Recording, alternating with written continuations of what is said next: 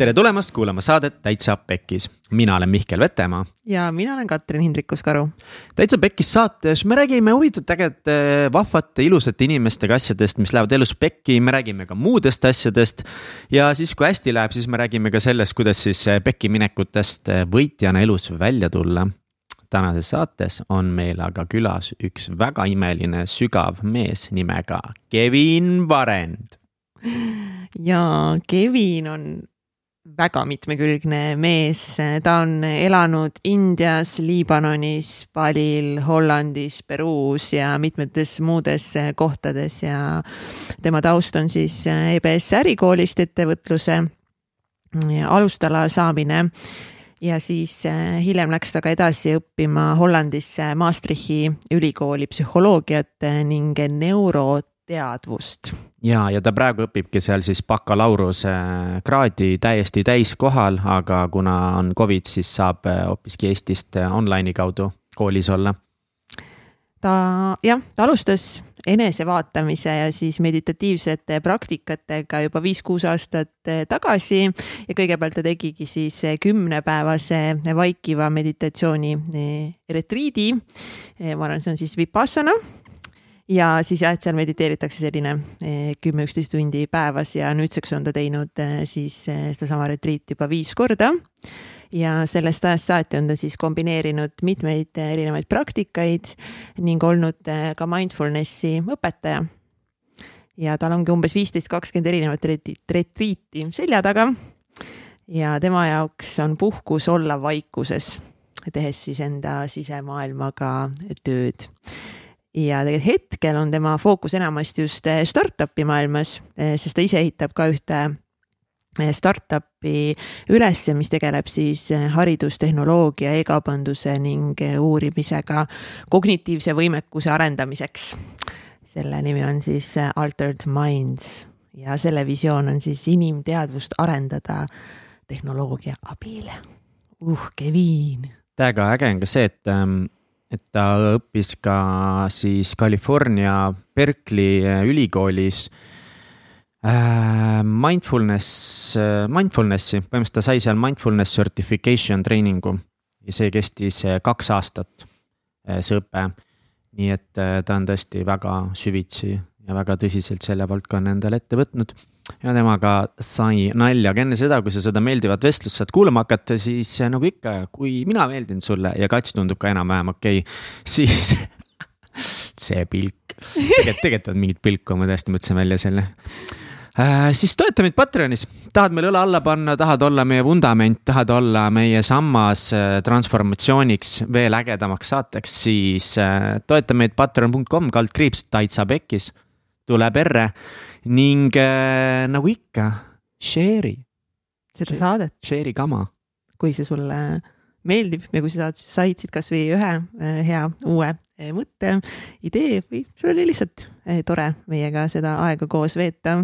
ja tegelikult meil on sulle täna ka uudiseid uudised, uudised, breaking news, breaking news from Täitsa Pekkis saade. Pumm-pumm-pumm, Täitsa Pekkis saade on paljunenud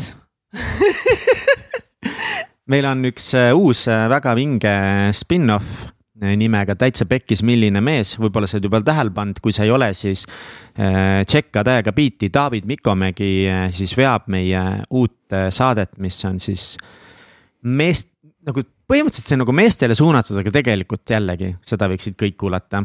absoluutselt, aga siis mehed räägivad meheks olemiseks, meheks kasvamiseks ja mis üldse tähendab olla siis, nagu David ise ütleb, nokuga mees, et mis värk sellega äh, on? Ja praegu on siis see nullsaade ja siis esimene saade Timo Porvaliga meil siis äh, olemas igal pool äh, Spotify's, SoundCloudis, kus iganes sa meid harjunud kuulama oled. Ja seal tuleb igast põnevaid eh, vestlusi, ägedaid. ja selle eh, saatega on nii, et vahepeal võib juhtuda, et eh, mina teen seal kellegiga saateid, võib-olla tuleb Egert, teeb seal kellegiga saateid, sest kunagi see üldse Egerti idee oli seda vedama hakata, aga tal on nüüd uued väljakutsed ja teed, mida ta kõnnib. ja, ja, ja meil tuleb igasuguseid huvitavaid saateid on juba plaanis, mis me teeme seal, nii et stay tuned ja ole meiega. ja head kuulamist. tere tulemast saatesse, Kevin tere, Kevin. tšau. tere, Kevin. Kevin vallab, vallab, vallab meile juba siin. Kevin valdab. ma see Mihkli, Mihkli need sõnade mitte väljahääldamised endale meiega külge võtnud. sina ei oska rääkida. okei, sa võid võtta selle ilusa klaasi, kui tahad. Kevin on ma võtan selle. ilusa klaasi. ja Kevin, valad smuutimeister ma valan nendele kahe, kahele ilusale inimesele siin super smuutid, mida ma tavaliselt teen igapäevaselt. jah, mille sees on siis vähemalt kümme erinevat äh, osa. mis siin sees on siis, ütle meile kiirelt, palun. adaptogeensed seened, mitte need maagilised seened, vaid ad adaptogeensed seened. Kognitiivsuse arendamiseks head ja üldse mälu parandamiseks ja nii edasi äh,. spinat, peet, banaan, marjad ja natuke rohelist ka, ehk siis äh, spiruliina, chlorella ja nii edasi.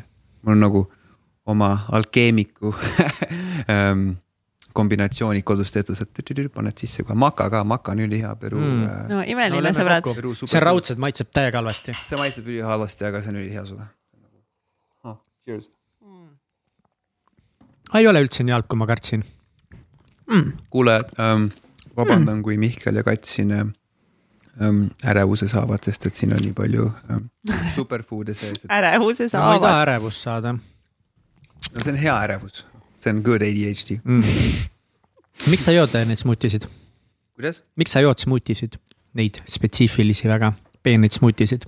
sellepärast, et äh, ma olen õppinud elus, et kui sa soovid olla ähm, pikemas perspektiivis õnnelik või äh, grounded ehk siis äh, juurdunud endasse ja ka edukas, siis sa pead enda eest hoolitsema. sa pead enda tervise eest hoolitsema ja sa pead tegema valikuid, mis on holistilised. väga ilusti kokku võetud, aga Täiega. mitte sellest me ei tahtnud täna rääkida. aga, aga ka. sellest. no see on Ka- üks ka võit, aga noh, eks see ole Smootist. ehitatud nende smuutide ja väljakukkumist äh,, väljakutsumuste peale ma pean ikka vett peale jooma, tuleb välja. mm.. tasa, tasakaalustab veits ära. Aga Kevin, sa oled äh, kummaline vend. aga selle asemel, et rääkida, ma olen huvitav eestlane. miks sa kummaline oled, siis äh, alustame hoopis sinu lapsepõlvest. mm.? lapsepõlv, kust sa pärit oled? no ma olen puhtavereline eestlane, ütleme siis nii, aga ma olen alati tundnud, et ma olen. no nüüd vähemalt ma tunnen, et ma olen selline mõnus mitme kultuuri miks ja austan kõiki vaatepunkte ja uskumusi. kuid jah, ma olen Tallinnast pärit, casual linnavurle ähm,. lapsepõlve suhtes äh, ütleks, et mul ei olnud kõige õnnelikum lapsepõlv. ja meil, vabandage väga, kardin peksab kõvasti vastu seina. nii, mis, mis see oomen siis on jah? noh, tead, see on mingi halb oomen, koju ära minema. nii, sorry, sa ütlesid, et sul ei olnud kõige õnnelikum lapsepõlv, mida see tähendab? see, ma ütleks selle peale, et õnn on muidugi noh, relatiivne, ehk siis äh, kuidas inimesed tembeldavad õnne, et kas sul olid kõik asjad olemas, kas sul oli söök, kas sul oli äh, lihtsalt äh, vanemate hoolitsus ja nii edasi, seal on hästi palju erinevaid äh, aspekte, mis loovad õnne. aga ma ütleks, et ma sain kõik, mis mul oli vaja tavalise elu jaoks ja et mu eest oleks hoolitsetud, aga ma ei olnud õnnelik sellepärast, et äh, mul ei olnud äh, rahulik äh, koduelu ja see tõlgendas väga palju minu aktiivsuseid ja minu elu vaatepunkte kuni ütleme, kuni kaheksateistkümne eluaastani. ja jah, hästi palju sai äh, näha, kuidas ähm, kuidas äh, inimesed ikkagist elavad vanades mustrites, eriti kui äh, noh, Eesti sai vabaks ja seal oli see muutus, et ja kuidas perekonna dünaamikad toimivad ja kuidas äh, inimesed kinnistuvad üksteisesse ja kuidas äh, inimesed ei oska lihtsalt oma valuga tegeleda. Ja kuidas see tuleb generatsioonide kaupa edasi, kuidas inimesed selle asja nimi on multi-generational trauma ja ehk siis kuidas äh, inimene annab kogu aeg ka geneetiliselt muidugi, kuid enamasti oma ümbruskonna mõjude kaudu edasi oma lastele nende endi katsumusi. seda ma nägin oma perekonnas, et kuidas äh, rahaliselt ei olnud äh, äh, oskust või haridust või äh, tahtejõudu.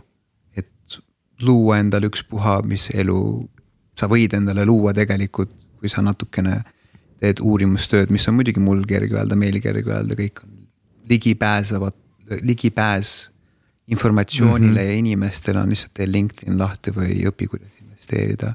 kõik on muidugi tahtejõus ja valikutes kinni, sest väga paljud inimesed ei tee seda. aga ma nägin jah, kuidas äh, inimestel ei olnud seda, seda tahtejõudu. et näiteks äh, finantsiliselt jõukad olla või ei olnud äh, kontrolli impulsiivsuse üle näiteks alkoholism ja äh, üldse käitumismanöövrid, mis, mis ei aita sul olla tervislik või holistiline inimene, mis on siis äh, jällegist äh, kahe otsaga asi, et väga paljud inimesed näevad seda kui ähm, äh, raskusena ja nad jäävad oma narratiivi kinni, ehk siis oma loosse kinni, et okei okay,, nüüd ma olen see ja ma ei saa muuta ennast väga paljud inimesed isegi ei tea, et nad sellistes äh, lugudes oma peas elavad.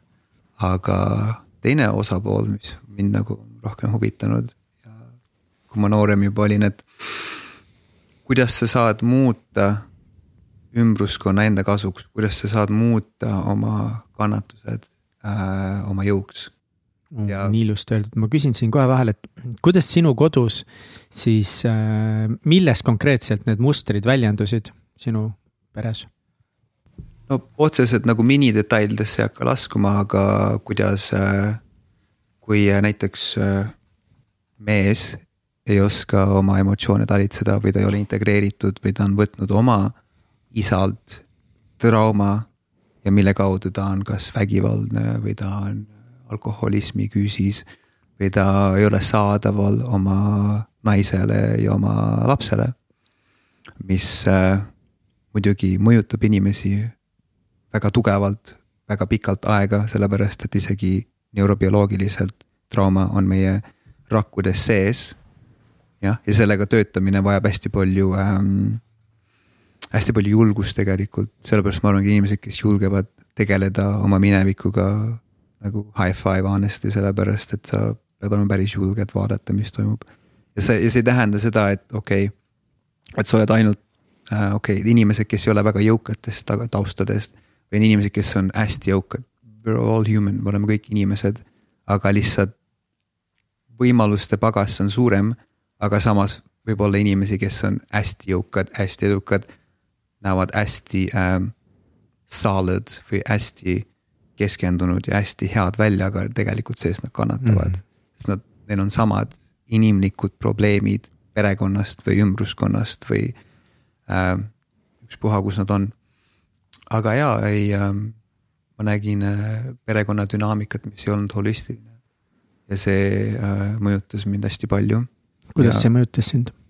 see mõjutas mind sellega, et ma ei osanud oma emotsioone valdada ja vaata, tavaliselt meid ei õpetata ka, kas meie hariduskäigus või elus, kuidas valdada emotsioone, kuidas, kuidas nagu kuidas mõtlemine näiteks toimib, noh psühholoogias ja neuroteadvuses on see rohkem eh, empiiriline ja step by step process, kuidas meie mõtted ja emotsioonid toimivad.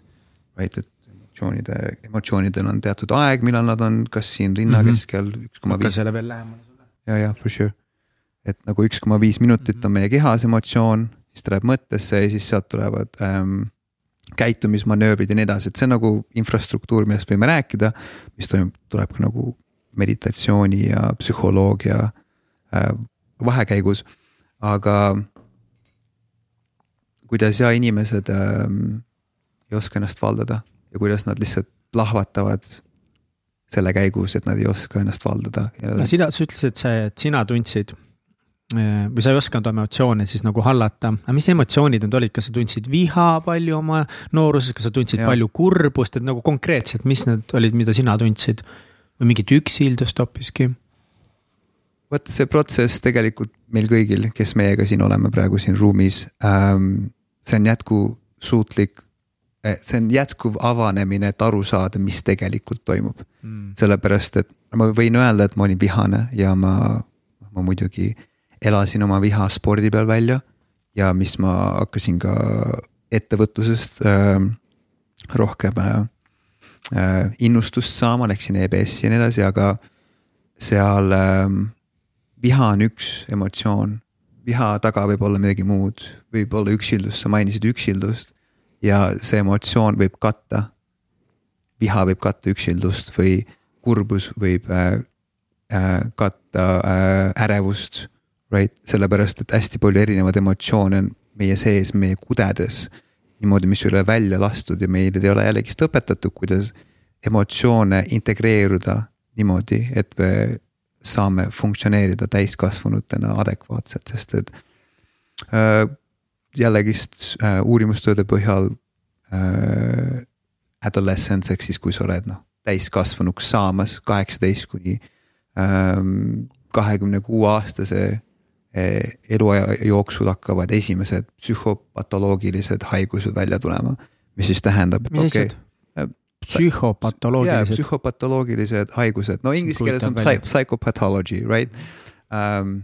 jah, mu mõistus on inglise ja eesti vahel kogu aeg. ei ole um, hullu, mu sõber. jaa, man, ja see ongi siis äh, näiteks ärevus, ärevuse äh, häire, paanikahäire, depressioon ja nii edasi, sellised äh, kudede all olnud probleemid, mis tulevad alles siis välja, kui me saame suureks. jah et siis nagu alles siis, muidugi see on äh, relatiivne jälle, sest et alati võib juhtuda varem asju, aga see on lihtsalt see onset või see äh, lahvatuskoht, kus võivad probleemid tulla, kui sul on olnud äh, palju äh, probleeme mm. -hmm. ja siis sa hakkadki alles aru saama, et okei okay,, ma võin, ma võin hästi äh, maski ette panna emotsioonidele, isegi teiste emotsioonidega, kuigi ähm, aru saada näiteks vihast alguses, ma olen hästi palju vihaga töötanud, sest ma olin kunagi hästi vihane inimene. ja viha tegelikult on hästi hea emotsioon, kui sa oskad seda kasutada.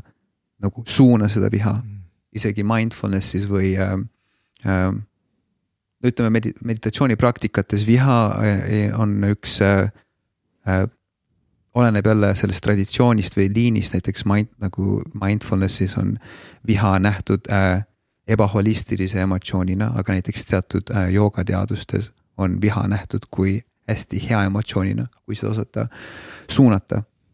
sellepärast, et see on, see on energia, vaid energia on nagu selline noh wishy-washy sõna, on ju, mhm. aga noh, ei hakka nagu kvantfüüsikast siin rääkima, et mis energia tegelikult on ja kuidas on tõestatud, et eh, me oleme energeetiliselt eh, seotud ja kuidas energeetiliselt me saame luua oma reaalsust. no milline see sinu Äh, lapsepõlv või nooruspõlv üles kasvades oli, et kuidas see sinu igapäevaelu mõjutas, et räägi natuke sellest, milline see siis nagu elu välja nägi? kuni ülikoolini.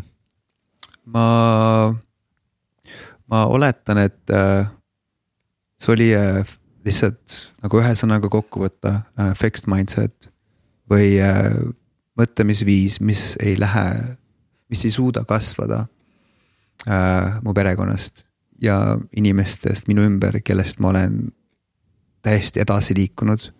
ja olen tänulik kõikide nende asjade eest, mis on juhtunud. kuigi fixed mindset ehk siis, kui äh, ma alati mõtlesin suuremana, ma tahtsin midagi suuremat teha, ma tahtsin lugeda, ma tahtsin haridust saada, sellepärast et äh, ma, ma tunnen perekonnast, kus ma olen põhimõtteliselt ainuke inimene, kellel on kõrgharidus.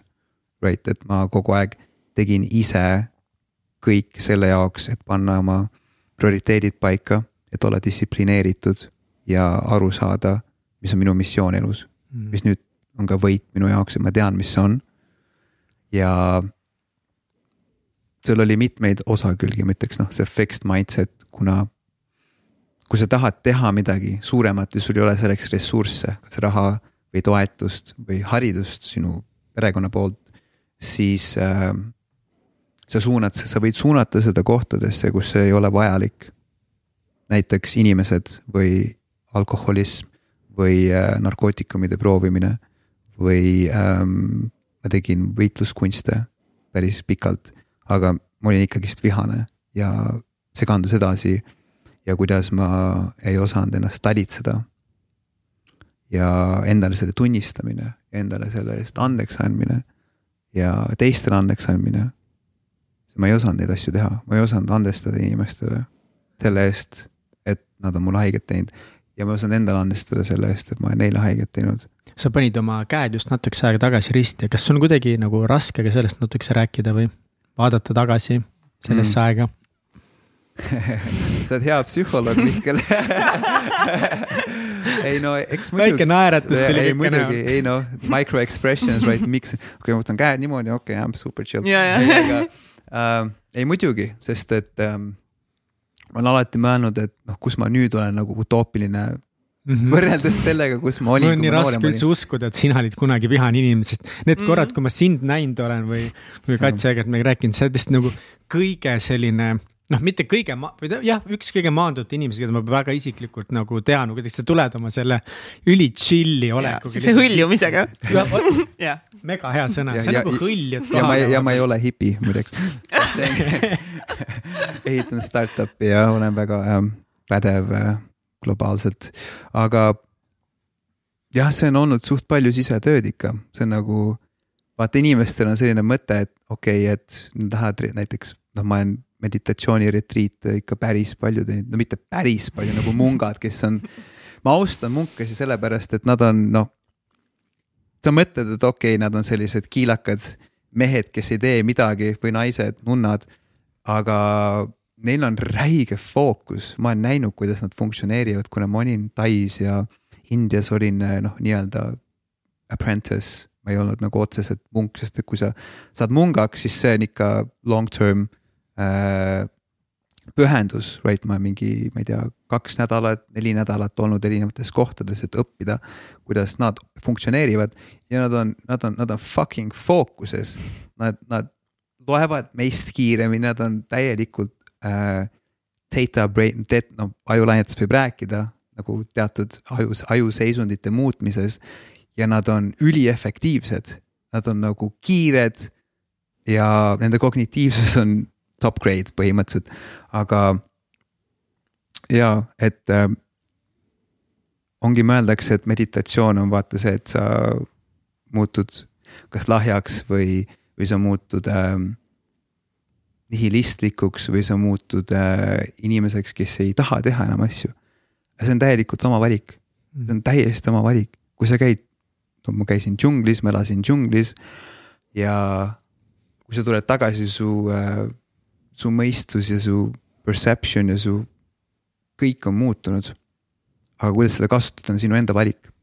ja minu arust ongi tähtis aru saada, et inimestel on enda valik. ja ma ütleks huvitava ähm, uurimustöö fakti ka siin, et ähm, mis praegu tuli, et ähm,. vaata geneetika ja meie isiksus on väga seotud ja me me saame hästi palju osasid oma vanematelt, näiteks neurootilisus, openness to experience ehk siis avameelsus, nagu sa ütlesid, Mihkel ähm, aga samas, kui me jõuame teatud aastateni, kui me jõuame umbes kahekümne kuni kahekümne kahe eluaastani, siis enne seda on meie ümbruskond olnud kõige suurem osa, osategur meie isiksusel ja meie valikutel ja meie, meie sisemise kontrolli allikas välimiste tegurite poolt, on ju. aga kui me lähme peale selle, saame natuke vanemaks, natukene targemaks siis äh, on meie oma valikud, mis võivad luua meie isiksuse ja need erinevad ähm, osad, mis on seotud meie isiksusega, näiteks äh, see conscientiousness või näiteks siis see kompetents. jah, sest meil on antud, meil on geneet-, geneetiliselt antud teatud äh, nii-öelda siis ähm, kompott meil on geneetiline kompott, aga mm -hmm me saame reguleerida seda, kui me jõuame teatud faasi. saame sinna midagi juurde panna ja midagi ja. sealt välja võtta ajaga natukese võib-olla. ja selle jaoks on epigenetics, epigenetics ka.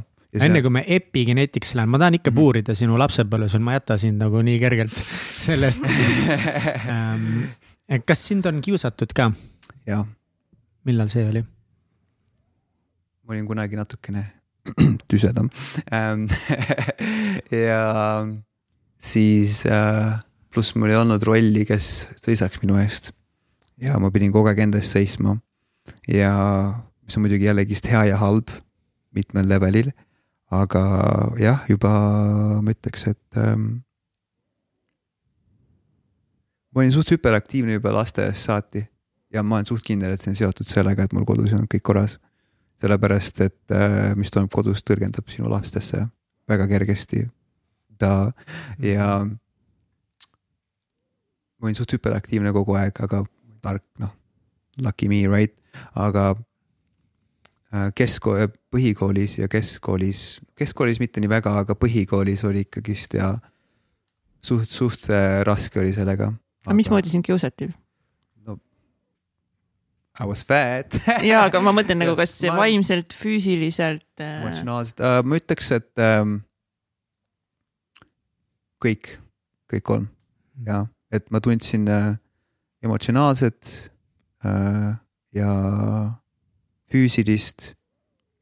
ma ütleks rohkem emotsionaalset ja füüsilist, vaimset nagu ei olnud, sest et um, üks asi, mis mul on hea olnud elu jooksul, on see, et ma seisan enda eest. I, I don't take bullshit, aga samas nagu ähm, peab aru saama, et see I don't take bullshit, nad võib ka olla ka äh, kaitsemehhanism mm. -hmm. tegelikult, you know, vahepeal sa pead kuulama, et okei okay,, keegi ütleb sulle, et sa teed valesti seda.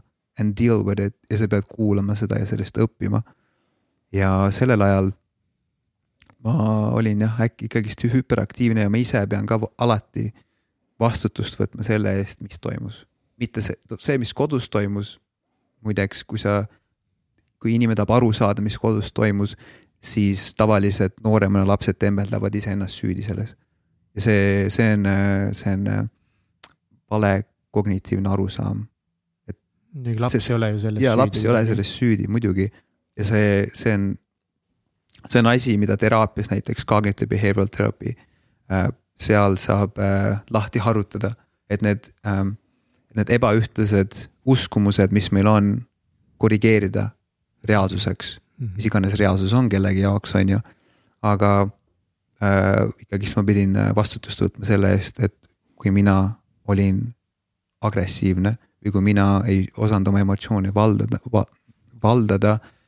ja kui see tõlgendus kellegi teise valusse ja see tuli mulle tagasi, siis ongi nagu chain reaction.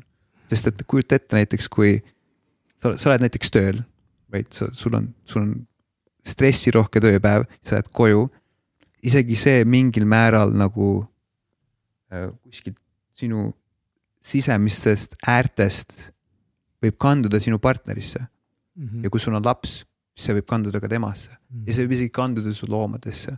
see stress, mis, mis inimesed sees hoiavad, sest nad ei oska neid äh,, neid kogemusi või mälestusi või traumasid või valusid välja lasta see kooli asi, mind ka kiusati koolis mingi viies kuni kaheksas klass oli ikka suht põrgu, ma ei julgenud mm üldse kooli minna, iga päev kooli jalutamine oli selline noh kohutav, kohutav tegevus, hästi nagu hästi palju vaimset, emotsionaalset kiusamist oli täiega. Mm.. füüsilist vägivalda oli natukese, aga suhteliselt vähe, mõne teise klassi vennaga oli, oli ikka, tuldi täiega kallale ja peksti läbi. et see on... hirm, mis mul oli, see oli nii tohutu, ma nagu, ma ühe korra elus umbes nagu umbes natukese, mõtlesin, ah issand, kui ma seda ära tapaks, noh, see oli noh, nii üldse mm. mitte tõsine mõte, mõte., aga, aga nagu see oli nagu ühekorraliselt korraks selline nagu noh, aga noh, tõesti, see oli nagu nii, nii mitte üldse tõsine, aga ma korra isegi mõtlesin umbes midagi sellist, see kõik oli nõudne.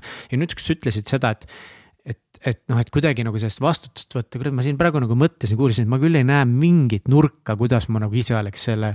kuidas ma saaks sellest nagu vastutav olla, aga võib-olla ma ei oskagi nagu näha, mulle tundus, et see oli no nii lihtsalt kellegi otsus nagu kellegi Ebaus, katkine, no te, ma, ma, ma saan aru, miks need tüübid tegid seda. Need mitu tüüpi, kes olid siuksed põhilised kiusajad, nendel oli noh, kodus all kinds of fucked up, isadega oli täiesti perses. alati ongi äh, isegi USA statistilised. aga kuidas mina selle eest vastutust saan võtta äh,? kohe räägin sulle, my friend uh,, et enamus uh, probleemidest on sellepärast, et pole isa mm -hmm. poistel ja see on hästi tähtis ja kõik isad, kes seda kuulavad, absoluutselt take care of your kids. ärge kaduge ära, olge seal, see on hästi tähtis, eriti esimestel eluaastatel. selle vastutuse küsimuse suhtes ma ütleks, et ähm, kuna isiklikult ma olin mõlemas rollis, ma kiusasin ka teisi, võib-olla sa ka kiusasid teisi, ma ei tea täpselt nope.. nii, siis on teine lugu. kõik on ju oma kogemuse põhiline ja jällegist on tähtis, et oleks kaastunnet. sellepärast, et meil on nagu sees sügaval need kogemused, mis me oleme läbi töötanud, mis võivad tulla teisel kujul esile. ja siis me mõtleme, et damn, meil on nagu ikkagist vaja need läbi töötada. aga aktsepteerimine ja kaastunne on hästi tähtis, mis on ka noh, meditatsiooni filosoofia. mis toimib ka neuroteaduslike uuringute põhjal muideks. ja aga vastutus on äh, minul oli see, et ma ise olin ka samas rollis ja ma elasin oma viha välja ka teiste inimeste peale. Aga sinu perspektiivis ähm,. tegelikult Kokralit vahel ütlen nagu võib-olla tegelikult kunagi hiljem lihtsalt mega aus olla nagu, ma, ma ilmselt ikka olen kunagi ikka kedagi nagu natukese kiusanud ma noh, ma arvan, et ma ei, ma ei saa täiesti käsi üsna lauda, aga kunagi hiljem võib-olla küll jah ja,. sest et alati, kui sa, kui sa võtad vastutust asjade eest, mis on äh, mis inimestele ei meeldi, muutused meile ei meeldi ja ma arvan, meile vastutuste võtmine ka ei meeldi, eriti nope. siis if, if, if, if we fuck up, right mm, -hmm. aga äh, mingil määral noh, minnes sellest analüütilisest rohkem sisemaailma ja spirituaalsuse levelile, võib öelda, et me mingil määral kutsume endale neid asju ise, me oleme kutsunud endale esile inimesed, kes astuvad meie boundaries ehk siis ähm,. mingitele piiridele. meie, meie piiridest üle mm, -hmm. sellepärast et meil on mingi blueprint enda sees. kas see on siis äh, energeetiline või see on psühholoogiline või see on emotsionaalne. emotsionaalne näiteks, kui sina oled äh, teatud äh, äh, kinnistustüüp, right attachment types, kui sa oled näiteks äh, ärevuslik, siis sa ei taha inimestest lahti lasta kus sa oled tõrjuv, siis sa lükkad inimese ära, no seal on hästi palju, millest rääkida veel, aga see on nagu basic ja siis turvaline on see, kui sa suudad mõlema vahel olla. mitte liiga tõrjuv, mitte liiga ligitõmbav, ehk siis attached, non-attached. aga see juba mingil määral, see blueprint, mis sul võib olla näiteks, see võib esile tuua kas sellesama või selle opositsiooni hoopis sellisel levelil, millest me ei saa mitte midagi aru või mida me ei näe, sest et olla inimene on suht müsteerium väga müstiline. Yes, amen Cheers, but aga jah, sa oled, sa oled võitja täiega. ma, ma saan selles mõttes nagu, ma saan sellest pointist nagu aru, et ma saan vastutust võtta selle üle, et jah, see juhtus äh,. proovida mõista ja andestada nendele inimestele, miks nad seda tegid ja et nad seda tegid. ja lihtsalt tegeleda sellega, et kuidagi aktsepteerida la-, lasta lahti, sest ma hoidsin mm. pikalt seda enda sees ja see tekitas hästi palju mingeid sügavaid probleeme minu sees mu enesekindlusega, peamine oligi see, et näiteks ma, ma pärast seda nagu viisteist aastat jutti põhimõtteliselt tundsin, et nagu ma ei suuda endast üldse seista. et sihuke hästi nõrkuse tunne kõik. ja see vastus võib-olla ongi see, et nagu okei okay,, no nii oli, ma nüüd tegelen sellega. täielikult resoneerun ja tunnen, kuidas äh, enda sama oli seotud enesekindlusega kuigi mul muutis seda, kui ma hakkasin reisima üle, üle terve maailma ja ma nägin, et ilu on relatiivne. et ilu ei ole see, mis sa näed, ilu ei ole see, mis sul on, ilu ei ole see, mis sa räägid, ilu on see, mis on sinu sees. ja, ja see on tegelikult kõigil inimestel sees, isegi siis, kui nad on nii-öelda kurjad või nad on äh, kurvad või nad tahavad sulle halba. siis see ilu on tegelikult neil sees olemas ja see aitas ka mu enesekindlust äh, tõsta. et ma tean, et minu sees on tegelikult väga sügav ilu, mis on tegelikult igal teisel inimesel sees, mida ma saan peegeldada, kas õnnega või rahuga või äh, armastusega. sellepärast, et um, you, you can't, sa ei, sa ei saa võita uh, kurjust mm. kurjusega mm.. sa saad ainult headusega võita kurjust. ja see ei ole tegelikult mingi noh võitlus, sest et mõlemad on ka mingil määral äh, äh, olematud, sa oledki täpselt kahe maailma vahel, kurjus ja headus, kui sa oled selles äh, sisemises ilus. mis sinust äh, pärast gümnaasiumi sai, mis sinu mõtted olid ja kas sa olid gümnaasiumis, teades, et ülikool on kohe tulekul, kas sa olid siis ka veel nagu pigem õnnetu ja vihane laps, mõeldes oma tulevikule või mida sa tundsid mm,? Ma arvan, ma olin lihtsalt muutuste keskel. et ma sain aru, et ma pean äh, ja ma võtsingi siis endale kõik asjad äh, kätte. siis ma jätsingi äh, põhimõtteliselt kõik maha, kõik toksilised inimesed, kõik toksilised maailmavaated, kõik toksilised harjumused, mis muidugi sa ei saa toksilisi harjumusi lihtsalt okei okay,, bye bye. see on, see on, see on töö, see on raske töö. Aga mul tuli mingi moment, kus ma mõtlesin, et ma pean tegema valiku.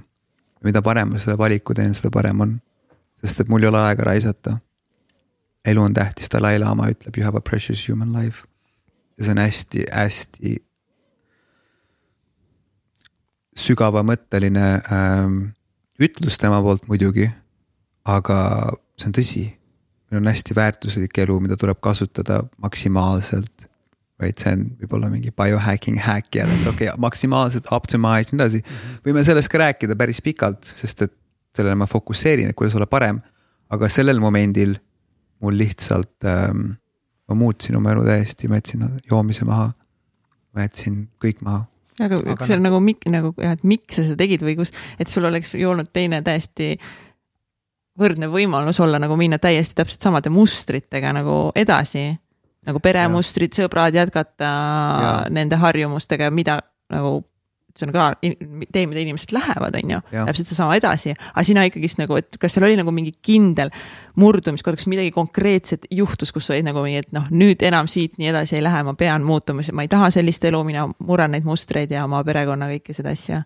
jaa um,, ma ütleks, et see kehtis juba varasemalt, sest ma nägin, et ma saan olla palju rohkem kui see, kuhu ma sündisin. aga kas sa nägid siis seda kuskilt teist, kas sa nägid mingit mingit siis teist reaalsust, mida sa tahtsid luua nagu. jaa et..., muidugi see näiteks, kui ma tahtsin EBS-i õppima minna ja ma tahtsin. Äh, aga kust, kust sa teadsid, et sa tahad seda sinna minna õppima, kas sa siis nägid kedagi, kellel on see peremuster mm. või need edukad, kas sa nägid mingit mingeid persoone, mingeid inimesi, kelle sarnane sa tahtsid olla? tead, see on ülihea küsimus, sest et praegu ma üritan sinna tagasi minna ja mul otseselt, noh muidugi, võib-olla olid teatud inimesed, keda ma nägin, kellel on see, mida ma võib-olla tahtsin ja see, mis ma sellel ajal tahtsin, võib-olla oli seotud edukusega ja edukus on võib-olla see et, ettevõtlikkus ja materiaalsus ja kõik need äh, asjad, mis on tegelikult suhteliselt päevakajalised äh, väärtuste äh, skaalal. ongi see väärtus, väärtuste skaala Eestis ka on okei okay,, mul on midagi, mida sul ei ole, mis on materiaalne, mul on raha, mul on midagi, mis äh, mind teeb õnnelikuks füüsiliselt see võib olla samamoodi ka inimestega või äh, ümbruskonnaga, mis on ülitähtis, et sa oleksid äh, balansseeritud, kuid see ei ole kõige tähtsam, sest et need asjad muutuvad ja võivad muutuda. ja kui sul ei ole kogemust muutustega, nii-öelda siis when shit hits the fan, kui asjad lähevad halvaks elus ja sul ei ole selle jaoks mitte mingit resilience'i või sul ei ole seda vastupidavust selle jaoks, siis sa lihtsalt võid minna auku ja ma olen näinud inimesi näiteks äh, ähm, tippülikoolides, kes noh, on äh, lõpetanud kas kuldmedaliga või midagi, aga neil ei ole elukogemust. mis on ka okei okay,, see tuleb, aga kui elukogemust ei ole, siis see, see baas ei pruugi olla nii tugev, kui asjad muutuvad, aga ma arvan, äkki see elukogemus alguses tegigi äh, nii-öelda targaks, et kuidas, kuidas olla, kuidas navigeerida. ja kui ma nägin äh,, mida, milline ma ei taha olla mm. -hmm. ma arvan, et see oligi kõige suurem moment, ma nägin, milline ma ei taha olla. kuni ma olin see, mis ma ei tahtnud olla ja siis mul tekkis rohkem teadvust, et okei okay,, tegelikult ma olen väga palju neid asju, mida ma ei tahtnud olla. mis võib isegi praegu esile tulla, mitte siin momendis, vaid üldse, praegu oma vanuses ähm,. kuigi siis tuli, hakkas see killuke nii-öelda siis äh, valgust või teadvust tulema, et ma saan muuta seda. ma saan tegelikult seda muuta, et kui ma tahan olla ettevõtja, ma võin alustada step by step, ma võin minna EBS-i, ma võin seal õppida, ma sain, ma sain stipendiumi muideks, sest et mul vanematel ei olnud raha, et selle eest maksta. ja jah, ja nüüd ma olen ka äh, ühes maailma tippülikoolis õppinud psühholoogiat ja neuroteadust.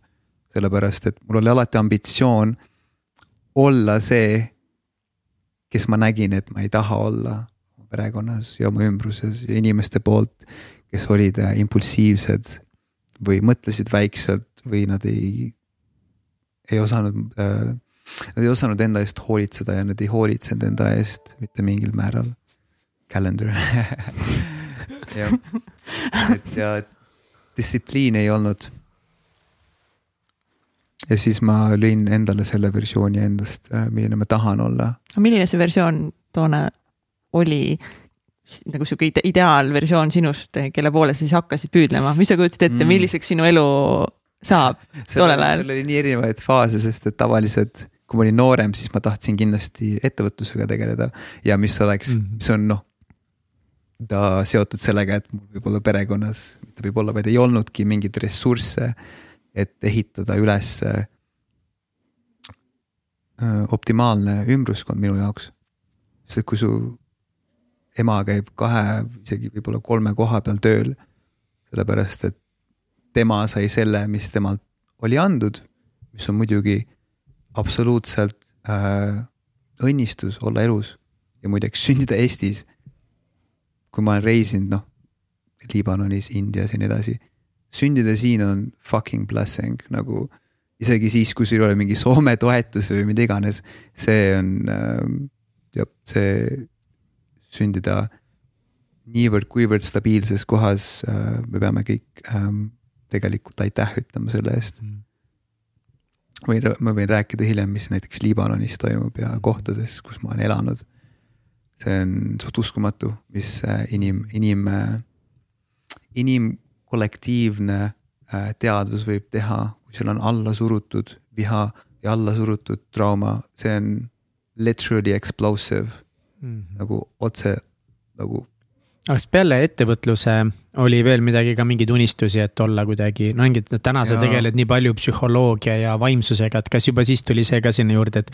et peale selle, et olla edukas ja rikas rahaliselt, et äh, võiks veel midagi olla äh,? pere, minu jaoks on hästi tähtis äh, luua holistiline pere sellepärast, et ma tulen ise perest, mis ei olnud kõige holistilisem ja muidugi see nagu Freudian psychoanalysis, et okei okay,, mida sa peegeldad see on minu jaoks hästi naljakas näha, et äh, kuidas nagu me, me ehitame üles sisemaailmad, mis tõlgendavad välismaailmateks, mis põhinevad sellel, mis meiega on juhtunud elus. või mis me tahame, et juhtuks selle põhjal, mis on juhtunud, saate aru, on ju? okei. ma ei saanud see aru. okei okay,, Kats Sedru, ütle mulle, millest aru said. jah ei, et me, et meie, meie sise, meie, meie välismaailm on meie sisemaailma nagu peegeldus. ja, ja kui juhtub midagi elus näiteks ähm,. ütleme, et kui sul ähm, isa sureb näiteks ära, siis äh, nooremana, siis sa otsid inimest oma elus, kes seda rolli täidaks, sellepärast et sul on alateadvuslik või teadvuslik trauma sellest. ja näiteks noh, sa küsisid, millest veel, siis ma ütlesin pere millega ma ei kiirusta muideks. jah, I have, mul on jah. aeg on. aeg on, jah, kiiret ei ole sellega, aga. et kui ma, kui ma olen näinud, kuidas ebaholistiline peredünaamika toimib ja ma tahan midagi luua, mis on holistiline, siis see võib olla seotud sellega, et ma nägin, mis ei olnud holistiline. räägi võib-olla kuulajale, kes võib-olla ei tea, mis, mida tähendab üldse holistiline, nagu lihtsalt seleta lahti igaks juhuks. muidugi ja ma kasutan seda sõna suhteliselt tihti mm, -hmm. sest et holistiline tähendab äh, terviklik näiteks kui sa võtad holistilise meditsiini kohta, siis holistiline meditsiin on äh, haru meditsiinis, mis tegeleb ka erinevate teraapiatega, mis ei ole ainult kas psühhoanalüüs või äh, äh, antidepressandid psühhiaatri poolt ja nii edasi, vaid kasutab ka ümbruskonna disaini, näiteks su kodu, kus sa elad, see on ümbruskonna disain, su suhted, sinu geenid, sinu uskumused ja hästi palju osasid, mis loovad tervikliku inimese, tähendabki holistiline, mis on rohkem äh, Aasiast pärit äh, termiin näiteks Ayurvedast. Ayurveda on üks äh, äh, nii-öelda siis elamus äh,, elamiseks loodud teadvus. mis noh, ei ole otseselt teadvus, teadvus meie lääne äh,. teadus või teadvus äh,? teadvus ehk siis akadeemiline noh, teadvus, aga mitte otseste nende äh, äh, mõõduühikutega, nagu meil on läänes teadus, näiteks füüsika või midagi. aga sa räägid ikka nagu science nagu teadus? Science jaa. aa, mitte teadvus teadus on consciousness oh, ja teadus on science. ma olin ülilost. noh, noh, ma üritan eesti keeles rääkida, aga mul on see nagu see käib. no sa vaata. elad välismaal kogu aeg, nii et me ei pane sulle pahaks seda. mul on, mul on peas nagu kõik kaheksakümmend protsenti mhm. inglise keeles, pluss ma olen õppinud ainult EBS-is ja Maastrichtis, igal pool ma õpin inglise keeles ju mm. -hmm. Ja, nagu science. Science jah yeah,, science mm -hmm. of mind and yoga põhimõtteliselt, see on holistiline viis, kuidas näiteks tegeleda enesearenguga holistiliselt. näiteks on inimesed biohacking community äh,, äh, community'st, kes noh, mul on Aura ring käe peal, aga mul on suva, kas ta on mul käe peal kogu aeg või ei ole, aga on inimesed, kes muutuvad nagu ärevuse ääre peale, kui nad ei suuda, kui nad ei saa magada oma sõrmusega, sellepärast nad peavad kogu aeg mõõtma. see on nagu, see ei ole, ei ole biohacking, see on nagu see on äh, endale augu kaevamine, kui sa ei suuda olla ilma teatud asjadeta mm. -hmm. sa pead holistiliselt laskma asjadel juhtuda nii, nagu need juhtuvad. ja ma võin ühe näite veel tuua, et kui sa, kui sul on näiteks gripp, tavaliselt, mis su perearst teeb, on, annab sulle tabletid. tegele sellega, okei okay.. holistiliselt tähendab seda, et sa oled ette valmistatud juba selleks, et sul ei tule grippi. see tähendab seda, et gripp on sümptom, vaid gripp on see, kui sul on mingi haigus juba küljes ja me ravime haigust tablettidega aga kui me holistiliselt ennast ravime, siis me ravime seda, mis on haiguste taga, põhimõtteliselt. no näiteks, et immuunsüsteem võiks tugevam olla, siis sa tegeled ja, sellega ja. iga nurga, iga erineva nurga alt. jah, ja sa võtad äh, holistilise lähenemise sellega, et sa hoolitsed enda eest, sest et siis sul ei ole gripi jaoks tablette vaja, mis tegelikult on sinu jaoks halvad et põhimõtteliselt nüüd holistiliselt enda eest tegelemine, siis nagu hästi lühidalt kirjeldus võikski olla nagu see, kui ma annan mingi mõtte, et näiteks sa tegeled nii füüsilise aktiivsusega. sa tegeled nii tervisliku mingi toitumisega ja samamoodi sa näiteks tegeled ka tervisliku mõtlemise, hingamise ja ka oma vaimsete probleemidega, et iga nurga ja. alt proovida oma seisundit paremaks viia. et sa ei jäta sa... nagu ühtegi sellist olulist suurt sammast puudutamata. ja, ja sa väga hästi, ma ütleks, et äh, see mõtte ja emotsionaalne, emotsionaalsuse ähm, tasand on ähm, väga tähtis ja see, see, see, mis meile väga ligipääset-, pääsetav ei ole. sellepärast, et meil ei ole neid praktikaid, meil ei ole seda teadvust, vaid meil ei ole seda lähenemismeetodi, et aru saada, et okei okay,, meil, meil on mõtted, meil on emotsioonid, kuidas me oskame neid suunata ja nii edasi. jess. Nice aga miks, miks sa just EBS-i tahtsid ikkagist minna mm. sest et mulle meeldis ettevõtlus ja ma tahtsin äh, alati äh, olla tarkade inimestega koos, minu jaoks, mis on mind hästi palju edasi viinud, on olla tarkade inimestega koos. sa arvasid, et EBS-is on ainult targad inimesed, et mitte näiteks nagu, et Tartu Ülikoolis on näiteks rumalad inimesed ei, ei, ära pane sõnu. ei no sa ütlesid konkreetselt, et sa tahad olla tarkade inimestega no, koos ettevõtlikud inimesed, Minoris on ka ettevõtlikud inimesed, aga noh, nii palju, kui mul oli võimalik ja ma kuidagi läksin elus niimoodi, et. ma ei olnud väga tarkade inimestega koos, aga ma läksin aina rohkem tarkade inimeste juurde, sellepärast et minu jaoks oli tähtis, et mu mõistus oleks stimuleeritud. ja ma olen alati lugenud hästi palju ja ma juba nooremana isegi selles hullumajas, mis mul kodus toimus ma lugesin hästi palju ja ma läksin oma maailma ja see oli minu viis, kuidas ka põgeneda. ja muidugi teised pahad asjad, mis ähm, tavalised inimesed teevad, näiteks jälle see alkoholism ja nii edasi, aga. ja ka narkootikumid. jah, ma, ma olen proovinud narkootikume ja. aga mida see proovid tähendab tegelikult? et ma olen, et ma olen äh, läinud, käinud pidutsemas ja ma olen proovinud narkootikume. aga ma olen samas ka näinud inimesi, kes on ennast täiesti põhja lasknud ja see oli jällegi see. kas sa olid nagu seal ääre peal, kas see nagu sõna proovima tähendab see nagu sa justkui tead, oleks ühe korra käinud, ühe korra midagi proovinud. või see ikka päriselt oligi mingi meetod, mida sa päris pikalt kasutasid, et eh, ennast noh, ongi põgeneda mingi maailma eest? ma arvan, et alkohol oli rohkem see ja mm. ma suitsetasin kanepit ka mm., aga see oli äh,. sellega oli huvitav lugu, et üks moment ma lihtsalt tegin ja ma hakkasin ikka palju mõtlema ja ma ei ole kunagi enam teinud mm.. et nagu see kanepi protsess pani ise mulle ploki peale. aga ei, ma tegin äh, nädalavahetustel, kui ma käisin pidutsemas, siis ma proovisin, et muidugi oma valu alla suruda. miks mm -hmm. inimesed teevad niimoodi, nad suruvad oma valu ja traumad alla. ülilihtne ja raske on tegeleda nende asjadega, kui sa ei ole suutnud sisse vaadata, mis on, mis minu, minu silmis on üks kõige raskemaid asju, mida inimene saab teha, vaadata oma sisemaailma sisse ja näha, mis seal tegelikult, tegelikult toimub, mitte nii, et okei okay,. olen positiivne, ma olen õnnelik, vaid et you deal with your bullshit. eriti, kus sul ei olegi võib-olla teadmisi või mingeid tööriistu, kuidas sellega tegeleda, et kui keegi ei aita ka sul enda sisse vaadata, kust sa üldse alustad, kuidas sa oskad nagu. et ongi selle jaoks on mingit abi vaja. ma olen, ma olen suht, ma tunnen, et ma olen hästi õnnistatud sellega, et kus ma praegu olen ja kus ma läbi olen käinud.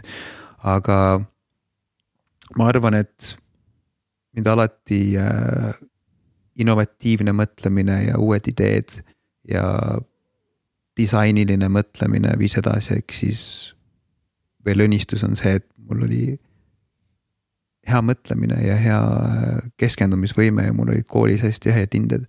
Mul läks vastupidi, tavaliselt on nii, et mida kõrgemasse mm -hmm. klassi lähed, seda halvemaks saad hinded, mul läksid mm -hmm. vastupidi. ja ma õppisin räigelt, sest ma teadsin, et haridus on tähtis. kuigi ma tean oma elukooli taustaga, et haridus ei ole nii tähtis, sul ei ole vaja haridust, kui sa oskad sellega teha midagi kui sa oskad olla sotsiaalselt intelligentne, emotsionaalselt intelligentne, tavalise intellektiga, kombineerida need, siis sa saad luua palju rohkem. sest et sa saad aru, et ühiskonnas igal inimesel on network, igal inimesel on oma node, right, ja. oma teadmised, oma oskused. ja, ja sa, mis sa pead oskama te teha, on äh, need integreeruda. ja see on mulle alati meeldinud ja sellepärast ma tahtsingi minna innovatiivsesse keskkonda ja sinna ma läksingi ja äh,. kuidas ja. pärast sinu ülikooli sündis see otsus, et minna Soome raha koguma, et, et pärast ülikooli, sa lõpetasid ära? Et sul on nagu justkui tegelikult võimalus, noh, nii palju erinevaid aga, aga suundi on lahti. ma õppisin äh, seal äh, gümnas. mida?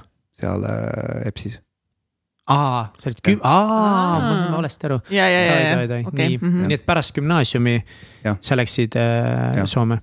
okei aga räägi sellest otsusest, et miks siis mitte näiteks minna hoopiski ülikooli kuskile pärast äh, gümnaasiumi?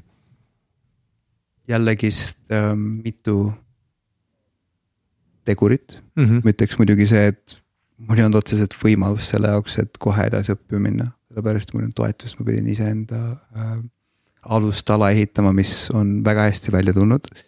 ja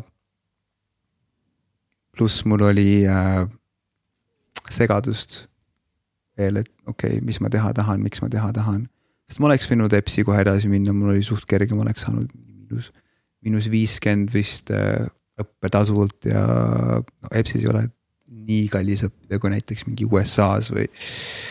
et jah mm, -hmm. ja mul oligi vaja oma mõistus ja süda puhtaks teha ennem selle jaoks. see oli hästi tähtis, enne kui ma hakkan millegile visiooni järguliselt keskenduma. põhimõtteliselt mitte minna kuskile õppima ainult õppimise pärast, vaid ikkagi aru saada, mida sa tegelikult tahaksid ja, teha ja siis ja, mõelda, jah. jah, see, see oli, ma ütlen ausalt, see oli minu jaoks kõige targem tegu, mis ma teinud olen. sest et mul oli ka vahepeal, okei okay,, kas nüüd on äh, mingi moment elus, et ma ei lähegi edasi õppima või, aga see viis mind ühte parimasse ülikooli Euroopas, nii et. aga mis, mis sa Soomes tegid? ja kaua sa olid seal, räägi sellest. kuna, kuna mulle meeldib elus äh, häkkida ja läbi minna niimoodi, et ma ei pea aega ja ressursse raiskama, siis ma läksin Soome ja tegin, tegelesin ehitusega. ja see on minu jaoks lihtsalt arusaam, et jällegist meil on võimalus. et kas ma olen, kas ma töötan Eestis, muidugi Eestis oleneb jällegist sinu enda ambitsioonist, sinu tutvustest ja nii edasi. aga kas ma saan mingi tuhat, tuhat kakssada eurot kuus ja siis elan, majandan seda ja nii edasi teen seda kolm-neli aastat ja siis mul on äh, kolmkümmend, nelikümmend tuhat, oleneb kuidas inimene majandab ma otsustasin, et vahet pole, ma tean, et ma ei jää siia. et ma teen ohverduse sellega, mis ma praegu teen. ma lähen, olen Soomes aasta aega umbes ja ma teen tööd räigelt. tegin räigelt ületööd, ma tegin hästi palju ähm, koormavat tööd, mis tegi mind vaimselt ja füüsiliselt tugevaks. ja siis ma teenisin mingi neli tuhat eurot kuus. ja ma sain väga hästi äh, selgeks, kuidas majandada raha, kuidas olla omaenda peremees rahaga mm. -hmm. sest et rahaga on alati olnud see noh, minu minevikust mingi, mingi, mingi vaesuse mõtteviis, et okei okay,, et kuidas muuta. Selle asja nimi muideks inglise keeles on locus of control. see on siis kontrolli lookus, ma ei tea, kas eesti keeles otse tõlgendab, aga see on see, kui sul on sisemine locus of control, siis sa tead, et sina saad muuta oma ümbrust ja sa tead, et sinu käes on võtmed, et muuta kas inimesed enda ümber või eemalduda oma vanematest, kes võivad olla toksilised või eemalduda suhtest, mis võib olla toksiline või mis iganes. või teenida raha, ehitada ettevõte, õppida, kuidas investeerimine käib, õppida, mis to toimub plokiahela maailmas ja nii edasi. kõik on sinu enda teha, alati, sul on full responsibility. aga external ehk siis väline locus of control tähendab seda, et minuga juhtuvad asjad. mina olen ohver, mina olen see, kes ei saa hakkama. mina olen see, kes tehti maha selle inimese poolt või mina olen X, Y, Z mm, -hmm. et kõik on, juhtub väljaspoolt sissepoole. ja see on muideks, jah, see on väga huvitav psühholoogia uurimisala, aga noh, sinna ei lähe. kuigi mul oli alati inner locus of control et mm -hmm. ma mhm. tean, miks ma seda teen, ma tean, miks ma sinna lähen. sa elasid siis ilmselt äh, suhteliselt äh, kokkuhoidlikult ka, et seda raha võimalikult palju säästa. see oli siis nagu see põhieesmärk. kas sa mingil määral nagu nautisid ka seda tööd, et kas ehitus ise nagu, oli see tore ka oma kätega midagi teha valmis või kuidagi olla abis seal või see pigem see keskkond ja kõik oli ikkagi selline, et sa nii-öelda punnitasid selle aasta seal ära? see on ülihea küsimus. sellepärast, et kui ma sinna tagasi läksin, noh mõistuses ja tundes, siis äh, siis see oli mingil määral oli huvitav, et õppida neid asju seal. aga ei, see ei olnud minu jaoks nauditav, sellepärast et ma tean, miks ma seda tegin ja ma tavaliselt elus olen läinud meelega olukordadesse, kus ma tean, et ma õpin. näiteks kui ma Liibanonis elasin, seal oli see lahvatus. ja kui ma läksin, aitasin Beirutis inimestel oma kortereid liigutada ja abistasin inimesi, siis ma tean, et ma pidin seal olema sellel momendil midagi õppida. ja Soomega oli samamoodi, et ma õpiksin, kuidas olla wise. ma isegi ei tea, kuidas see wisdom eesti keelde tõlgid, sest et tarkus on nii mitmetasandiline kontsept, right, tarkus võib olla see, et okei okay,, sa oled kuldmedalist, tarkus võib olla see, et äh, su on elukogemus, tarkus võib olla see, et sa oskad emotsioone valdada, tarkus võib olla see, et sa oskad inimestega luua erinevaid äh, kontakte. tarkus on nii suur mm -hmm. eesti keeles termiinina, aga see arendas mu tarkust ja tegi mind palju distsiplineeritumaks, isegi siis, kui äh, sul oli hästi palju momente, kus äh, see oli ebameeldiv. pluss ma isoleerisin ennast kõigest aga kas tahtsid läks... nagu alla kanda või mõtlesid, et ah fuck it, et ma ikka ei taha siin enam olla, tulen varem? ei, ma teadsin, et ma teen seda selle jaoks, et äh, ma kohe räägin, miks, aga ma, sest üks, üks põhjustest oli ka see, et see oli ainult suht ainuke võimalus äh,, kus ma saaksin kiiresti raha, kui ma olen distsiplineeritud. kui ma olen inimene, kes näiteks joob või suitsetab või teeb mis iganes, siis see, see, see ei kesta ja siis see oligi see moment, kui ma jätsin äh, need kõik asjad maha. kui ma olin vist mingi kakskümmend, kakskümmend üks, midagi sellist. ja, ja see oli paugu pealt, see oli tegelikult päris hea, et nagu ma jätsin paugu pealt need maha, mul oli see, et isegi mu noh, lähedased inimesed, keda ma praegu tean, kes on jäänud mulle veel EBS-ist näiteks. sõbrad ja nii edasi, kes joovad, noh, nad joovad, aga ma ei hinda inimesi, kes joovad. võib-olla perekonnas, sellepärast et sellega on noh, mingi trauma või mida iganes. aga see nagu ei olnud minu jaoks ja ma jätsin paugu pealt kõik maha ja ma pole viis aastat joonud. ning ähm, selle pere hindamise koha pealt, nüüd ma tunnen, et ma ei hinda enam kedagi. ja see ongi nagu sisetöö tipp. kui sa suudad näiteks oma ema armastada sellisena, nagu ta on või oma isale andestada või andestada jällegist neile, kes sulle haiget on teinud niimoodi, et sa tõesti tunned seda, et sul ei ole raskust sellega tehes. see on hästi äh,, hästi vajalik. sa oled andestanud oma isale? jah. vahepeal ikka on mingi viha, aga see on loomulik, et äh, andestamine on äh, pikaajaline protsess. et äh, eriti siis noh, nüüd kui ma seal džunglis olin ja töötasin äh, iidsete meditsiinidega koos šamaanidega siis see aitas, see võttis lihtsalt kõik ära jällegi, sest äh, see on tark viis, kuidas ähm, oma sisemaailma navigeerida, ongi see, et sa õpid äh, alguses kurssi tundma. ja siis sa kasutad seda õigesti. ja jah, ei peale seda, kui mul oli äh, päris korralik summa raha käes, siis ma hakkasin investeerima. ja kuidas sa alustasid nagu seda, et kui, kas sa seal äh, Soomes juba hakkasid nagu uurima investeerimise kohta või kuidas see sinu jaoks see tee algas, et sa olid aasta aega ära töötanud, hullult vaeva näinud. Mhm. palju raha kõrvale pannud selle jaoks, et nagu põhimõtteliselt oma mingi eluvundamendi ehitasid aasta aega -hmm. ülesse. mis aitab sul kõike edasi teha nüüd. et siis, mis need peamised otsused olid ja, ja kuidas sa just investeerimise endale leidsid uh,?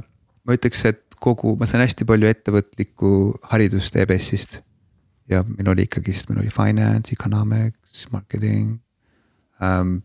ja meil olid need nagu tunnid ja ähm, haridus olemas sealt, et ma õppisin ikkagist päris palju äri kohta ja et ähm, ja ma siiamaani teen seda jätkusuutlikult, sellepärast et äri on muutuv ja ärimudelid muutuvad ja äh, äh, äh, kuidas äh, organizational management toimib, muutub väga kiiresti, see on teine vestlus, aga jah. kuid äh, jah, mul oli äh, paar projekti, kuhu ma investeerisin, pluss mul oli äh, teatud arusaam finantsist ja ma hakkasin aktsiatesse, põhiaktsiatesse investeerima. ja siis äh, peale seda tuli rohkem krüptod ja portfoolio aina kasvas ja kasvas ja kasvas. ja siis mul oligi piisavalt raha, et teha, mis ma tahan ja olla finantsiliselt vaba. Nice. ülikool. aga sa, siis algas ka sinu äh, reisimist, sinu reisimine algas siis pärast seda Soomet? jaa. kuhu sa läksid ja miks esimene koht kohe India India või? miks just India? sellepärast, et äh, ma ei olnud õnnelik ja mul oli, vaata kaks asja on, ma ütleks, et üks asi on see, et su ei ole nagu täiesti balansseeritud oma olemuses see on üks asi, teine asi on see, et mingi koht, mingi inimene, mingi haridustee, mingi projekt, mingi investeering tõmbab sind. aga jah, kuulajad, ärge investeerige selle põhjal, mis teile meeldib, do your research, aga ütleks, et see oli kahe kombineering, siis ma olin Indias aasta aega, päris pikalt. Ja ma mäletan, no eks seal enne kui sa räägid Sindest veel lähemalt nagu, kirjelda natukese, et sa olid õnnetu, mida see täpselt tähendas? ma tundsin, et ma saan palju rohkem elus teha, mis võib muideks olla ka ego ütlemas seda. You know.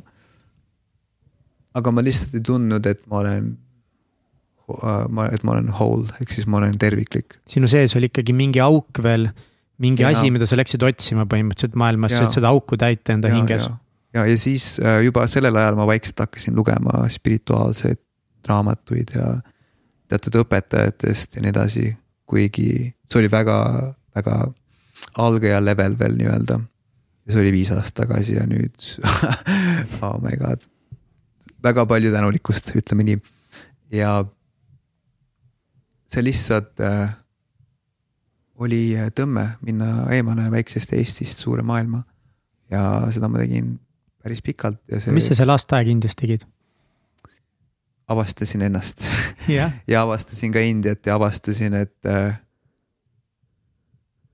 jällegist seal oli väga palju asju, mis ma tõlgiks võitudena. näiteks see, et ilu on relatiivne, et kui Eestis keegi vaatab sind, okei okay,, see ei, see ei lähe minu standardite järgi, mitte mina, vaid üleüldiselt inimene. siis äh, Indias võib-olla see on nagu vau wow, standard mm., et Indias vaatab inimene sind hoopis teiste silmadega. inimene näeb sind teisena, ta, sest kui sa lähed Indiasse, sa näed, inimestel on sügavus nende silmis. kas nagu, kõigil või? no mitte kõigil, aga enamustel on mingil määral, aga see on ikkagi su oma kogemus, sest et väga paljud inimestele ei meeldi India ja väga paljud inimesed saavad endal diarrhea seal ja siis tulevad Eestist. India on väga-väga räpane ka, need linnad on tohutult mustad, tohutu vaesus. ja, ja see kõik muutis mind palju arusaavamaks ähm,, hoolivamaks ja mõistlikumaks inimesena.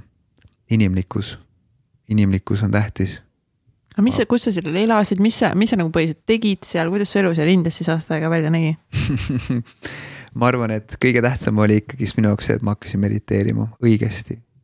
et äh, see, mis Eestis oli, see oli minu jaoks okei okay,, cool äh,. inimesed räägivad mediteerimisest, aga ma läksin kohe nagu äh, juurtesse. sest tegelikult kõik enamus praktikaid, mis isegi inimesed tembeldavad enda praktikateks, on tegelikult Indiast mitme tuhandete aastate tagant veeradest pärit. isegi budism on äh, pärit Indiast ja kõik, kõik on pärit Indiast tegelikult, spirituaalne rikkus. Ja isegi psühholoogia alustalad on Indiast, sellepärast et noh, filosoofia, siis tuleb psühholoogia, siis tuleb neuroteadus, siis tuleb tehnoloogia, millega me täna näiteks Maastrichti ülikoolis äh, uurime, et kuidas noh, teadvust muuta tehnoloogia abil ja nii edasi, see on, see on, see on minu see nerdy stuff, mis mind huvitab, aga ma olin, ma olin äh, templites ja ma olin džunglites ja ma olin mägedes ja Himaalajates ja ma õppisin transcendental meditation'it, mindfulness'i, vipassanat äh,, kriia joogat, see ei kõla nagu asi, mida üks keskmine kahekümne ühe aastane tüüp võiks teha, kellel on päris palju raha, et mööda maailma reisida, et selle asemel, et ongi nagu võib-olla, ma ei tea, minna Madriidi, vaadata ööelu USA. ma käisin Madridis hiljem aga ma just mõtlengi, et nagu see algus, et see on nagu ikkagi nagu nii veider või et noh, et, et nii huvitav, et et sa ikkagi tundsid nii suurt siis vajadust hakata selle hingelise poolega tegelema ja sa valisid just alguses selle Indiat, sa ei valinud alguses Madriidi ja Amsterdami ja, ja Berliini ja teisi ägedaid. ei no ei, ja ei valinud ka minna nagu ainult mingi korraks kuuks ajaks või mm -hmm. et mhm. nagu käingi korra, lähen, tulen tagasi on ju, vaid sa läksid ikkagist väga suure pühendumusega mm. sinna aga mis kõige raskem oli seal Indias või, või kindlasti midagi pidi sulle väljakutset seal valmistama, kasvõi selle muutuse juures või siis selle India enda juures? see on ka hea küsimus, sellepärast et mul on alati olnud see äh, perspektiiv, et India ei ole mulle mitte kunagi probleeme tekitanud. sest et India hoolitses minu eest väga-väga-väga-väga hästi, mul ei juhtunud üldse mingeid probleeme. siis ma läksin läbi umbes viieteistkümnest osariigist. ehk siis ma reisisin hästi palju, enne kui ma äh, nii-öelda maandusin teatud kohtades, ma maandusin siis Lõuna-Indias ja Himaalajates ja Nepaalis. et teha nagu suuremat ja sügavamat spirituaalset tööd ja olla seal retriidis näiteks kuu aega ja nii edasi. Himaalajates, see on aa, nii ilus, aga väljakutsumised Indias on võib-olla see kõik tahavad sinuga selfie sid teha on või? ja see ongi selfie sir, yes, yes, please, please. sest pead käivad niimoodi nii, nii, nii, tike, tike, baba, nagu äh, jah, aga ma arvan, et mul siis ei olnud otseselt koduigatsust, sest et see on huvitav lugu muideks, kui ma tulin tagasi Indiast Eestisse, siis ma tundsin, nagu ma välismaalane siin. siis ma olin mm -hmm. täiesti muutunud, ma olin nagu mm -hmm. Indianized or whatever Enda peaga juba käis otsas või? käis alguses ja natukene, käis natuke nagu nii no,. ja hindid ähm, rääkisin natukene ja see oli jah, täiesti nagu muutunud isiksus. ahaa, ma tean, mis oli natuke katsumuste rohke, oli see, et kui ma alguses sinna läksin, siis ma olin nii oma egos sees, nii oma Eastern European mõistuse sees, et ma analüüsisin kõike ja ma ei lasknud olla sest Indias sul ei ole mitte mingit kontrolli. kõik on nii blõpp, nagu massive chaos, aga samas. kaootiline väga. massiivne kaos, aga samas on ka täielik vaikus selle kõige all, kui sa näed seda täielikku vaikust kõige all. see oligi minu gateway, see oligi minu sisseastumine sisemisse maailma. ma nägin seal, kuidas inimesed kannatavad kümme korda rohkem kui tavaline või isegi vaene eestlane. aga neil on Neil on siserahu ja see on absolutely mad minu jaoks näha inimesi Indias, Tais, Nepaalis, Sri Lankal, ma käisin mingi kümme riiki Aasiast läbi. igal pool nad on õnnelikud, vahet pole, kas nad on rikkad või vaesed ja tavaliselt rikkad on isegi õnnetumad. ja ma saan aru, et mõlemil on osakaal ühiskonnas. aga mida keegi jahib, tõlgendab nende sisemaailma ka. Miks sa arvad, miks need inimesed on siis õnnelikud? miks nad on õnnelikud mm? -hmm. seda on raske kirjeldada, sest et neil ei ole mitte midagi.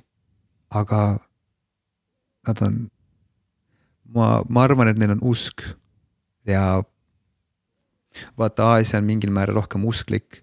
võib-olla see seondub, aga mitte nagu kristlus või islam. Islam, ma olen, ma olen äh, Kesk-Idas ka näinud äh, inimesi, kes on palju õnnelikumad ja.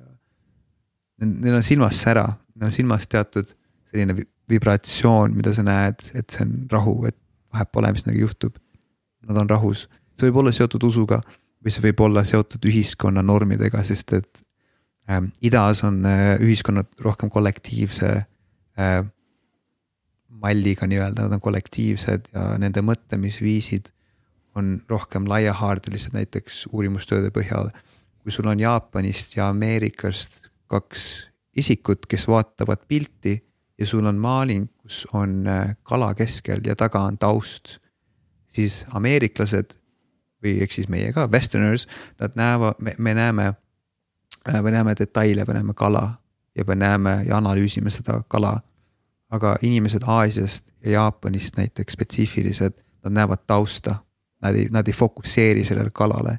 eks nende mõtlemisviis on laiahaardelisem ja teistsugune ka äh, neuroteaduslikul levelil. ja ka bioloogilisel levelil, ehk siis neil on teistsugune ühiskond põhimõtteliselt. ja see on raske tõlgendada minu vaatevinklist, kuna ma olen siit ühiskonnast mm, -hmm. aga olles, elades seal, siis ma olen näinud nende uskuvust, nende devotion'it ja kuidas nad funktsioneerivad. ja see on jällegist tegelikult igal inimesel sees olemas ma nägin Vietnamis natuke sarnast, kui ma kaks talve elasin seal, siis mm -hmm. just koroonaga huvitaval kombel nägin seda, et eh, lihtsalt huvitav tähelepanek oli see, et, et kui see koroona seal oli siis kõik väga suhtusid sellesse kui ühisesse probleemi või kuidagi, et nende nagu noh, ongi esimene mõte oli see, et aa, et meil on nagu mingi ühine probleem, mille vastu me ühiselt peame, oligi see hästi sihuke kollektiivne, hästi nagu perekeskne. ja hästi oma selle kommuuni keskne, see kommuun oli selline hästi veel suuremakeskne, nad mõtlesid kohe seal ja rääkisid sellest kui väga sellisest ühisest probleemist. aga näiteks Eesti puhul on ju, koroonas rohkem üldse nagu me ei pea siin edasi minema, aga, aga see on pigem ikkagi nagu ka mina ise mõtlen rohkem vahet, see on probleem, mis on minu elus et kuidas mina isiklikult selle probleemiga hakkama saan, kuidas mina isiklikult oma elu korraldan. et, et täpselt jah, et ma olen ka nagu näinud seda mõtteviisi erinevust mm., väga erinev. ja, ja kõige tähtsam osa oligi see, et ma õppisin, kuidas mediteerida ja see oli minu ähm, väljapääs minu enda mõistusest. aga mis olid veel mingid taipamised, mis sa said seal aasta ajaga Indias? Kõige suurem taipamine on see, et ma ei ole oma mõtted. aga see võib tunduda väga mittetõlgitav tavainimese jaoks, et ma ei ole oma mõtted. see, noh, nüüd ma olen mindfulness'i õpetaja ja mindfulness'is on äh, neli tasandit siis nii-öelda, see on äh, teadus mõtetest, kehast, emotsioonidest ja ümbruskonnast. ehk siis meil, meil on neli erinevat äh, nii-öelda perception'it, et aru saada, mis meie sisemaailmas toimub, nagu emotsioonid näiteks on rinnas, mõtted on peas, keha, sa tunnetad oma keha, see on ka awareness ja ümbrus. aga kui sa lähed sealt sügavamale veel, näiteks Vedantasse ja teatud õpetustesse, siis sa saad aru, et see, kes näeb reaalsust selle taga, on see, kes näeb nägijat. ja kui ma olin seal teatud äh, ashramites ehk siis kohtades, kus harjutatakse medit-, meditatsiooni, siis ma aina rohkem praktiseerisin, et minna nagu nii sügavale enda sisse, kuhu ma saan minna, et saada aru, mis või kes või kus. ma olen või miks on juhtunud ja nii edasi. ja siis ma saingi aru, et ma ei pea uskuma oma mõtteid, ma ei pea uskuma seda, mis mu mõistus kogu aeg klatšib ja klatšib mm -hmm. ja mhm. see on nagu. ketrab kogu ja, aeg midagi. seda ka, mida ma tunnen, sest emotsioonid on kehas, emotsioonid on tugev allikas siin edasiviimiseks ja see on evo, evolutsiooniliselt äh, meie neurobioloogias sees muidugi. ja amügdala ja erinevad ajuosad kogu aeg mõtlevad, kas tiiger tuleb nüüd põõsast välja. kas meil tuleb kuskilt, no ma ei tea, meil ei ole siin tiigreid, aga kas hunt tuleb põõsast välja, on ju. oleme kogu aeg äh, reageerivuse faasis. ja muidugi, mis ma õppisin, on kuidas olla äh, vastav mitte reageeriv, ehk siis responsive, mitte reactive. kui keegi mind trigger ib, kui keegi ajab mu maksa üle iganes eesti keeles. kopsu üle, kopsu üle maksa. kopsu üle maksa jah mm, -hmm. õpin jälle oma kodumaa keelt aga siis ma saan olla äh, vastav. ma saan olla rahulik, ma saan võtta ruumi, ma saan võtta aega, et vastata. ma ei pea reageerima mm.. mul on valik, kas ma reageerin või mitte. kuidas äh sa neid taipamist ja mis sa seal Indias said, hakkasid siis integreerima enda ellu täpselt seda, et nagu mina ei ole, minu mõtted mm. ja see reageerib, nagu kuidas see hakkas, kas seda oli nagu lihtne teha? no nüüd on lihtne sellest rääkida, aga kui sa elad näiteks noh, ma, kui ma, ma olen suht huvitavaid asju teinud ma elasin näiteks noh, kui ma Indoneesias olin, siis ma elasin Koopas um,. mingi jah, seitse päeva mediteerisin seal lihtsalt äh, õppisin ennast tundma nende praktikatega, millega ma olen tegelenud. Ja minu jaoks on muideks väga äh, inspireeriv olnud see, et ma olen mina, Kevin, ma teen seda, mis ma teen, jess, ma, ma lasen endast seda energiat välja, mis ongi see sisetöö, mina, kes kogu aeg teeb seda sisetööd ja mulle meeldib see ja inimesed mu ümber kes on tõelised inimesed, tõeliselt kallid inimesed minu ümber. ja vahet pole, kas nad on, kas ettevõtjad või spirituaalsed inimesed, ma olen suht valiv olnud, sest ma olen näinud nii palju erinevaid inimesi. ja ma olen tegelikult suht valiv nüüd äh,, kellega ma oma aega veedan, siis äh, neile sobib see, kes ma olen. see on just hästi tähtis, et sa oled inimestega, kelle jaoks sobib see, kes sa oled ja see on ka üks viis, kuidas sa saad ellu tuua need õpetused et sa lood oma ümbruskonna niimoodi, et sul on okei okay olla sina oma vigadega ja oma ähm, kingitustega ja oma neurootiliste mõtetega ja oma, oma vahepeal libastuvate reaktsioonidega ja nii edasi, täiesti okei okay on olla sina. luua selline ümbruskond endale. ja kui palju või kas sa üldse hakkasid ka kahtlema kõiges alguses mul oli isegi mingil määral selline hirm, et okei okay,. Mis inimesed arvavad, kui ma olen avameelne ja südamlik inimene, eriti Eesti ühiskonnas. sest mul oli kogemusi sellega, et ma olin hästi noh, selle tänaks oma ema selle eest, et ma sain hästi avatud südame temalt. ja muidugi isa selle eest, et ma sain väga suure töötahtejõu. ning ähm, kuidas äh,, kuidas kombineerida need kaks. Et olla avatud raamat ja kuidas olla täiesti keskendunud oma visioonile. ja kahtlusmomente, eks mul siiamaani on kahtlusmomente vahepeal, et kas see, mis ma räägin, sobib mingisse konteksti, aga see, see on jällegist võib-olla seotud mingi Äh, inferiority kompleksiga, mis ei ole ainult inimestega, kellel on rasked kogemused elus olnud, vaid ka inimestel, kes elavad igapäevast elu. Ja näiteks inimestel on erinevad äh, valuläved või thresholds nii-öelda, et mis nendega juhtub. kui üks inimene kõnnib tänaval ja ta näeb rattaõnnetust, ta võib olla traumatiseeritud. teine inimene läheb, kõnnib tänaval, whatever. ehk siis meil on erinevad läved selle jaoks. ja kuidas äh, inimene seda kasutab, ka tõlgendab tema isiksust.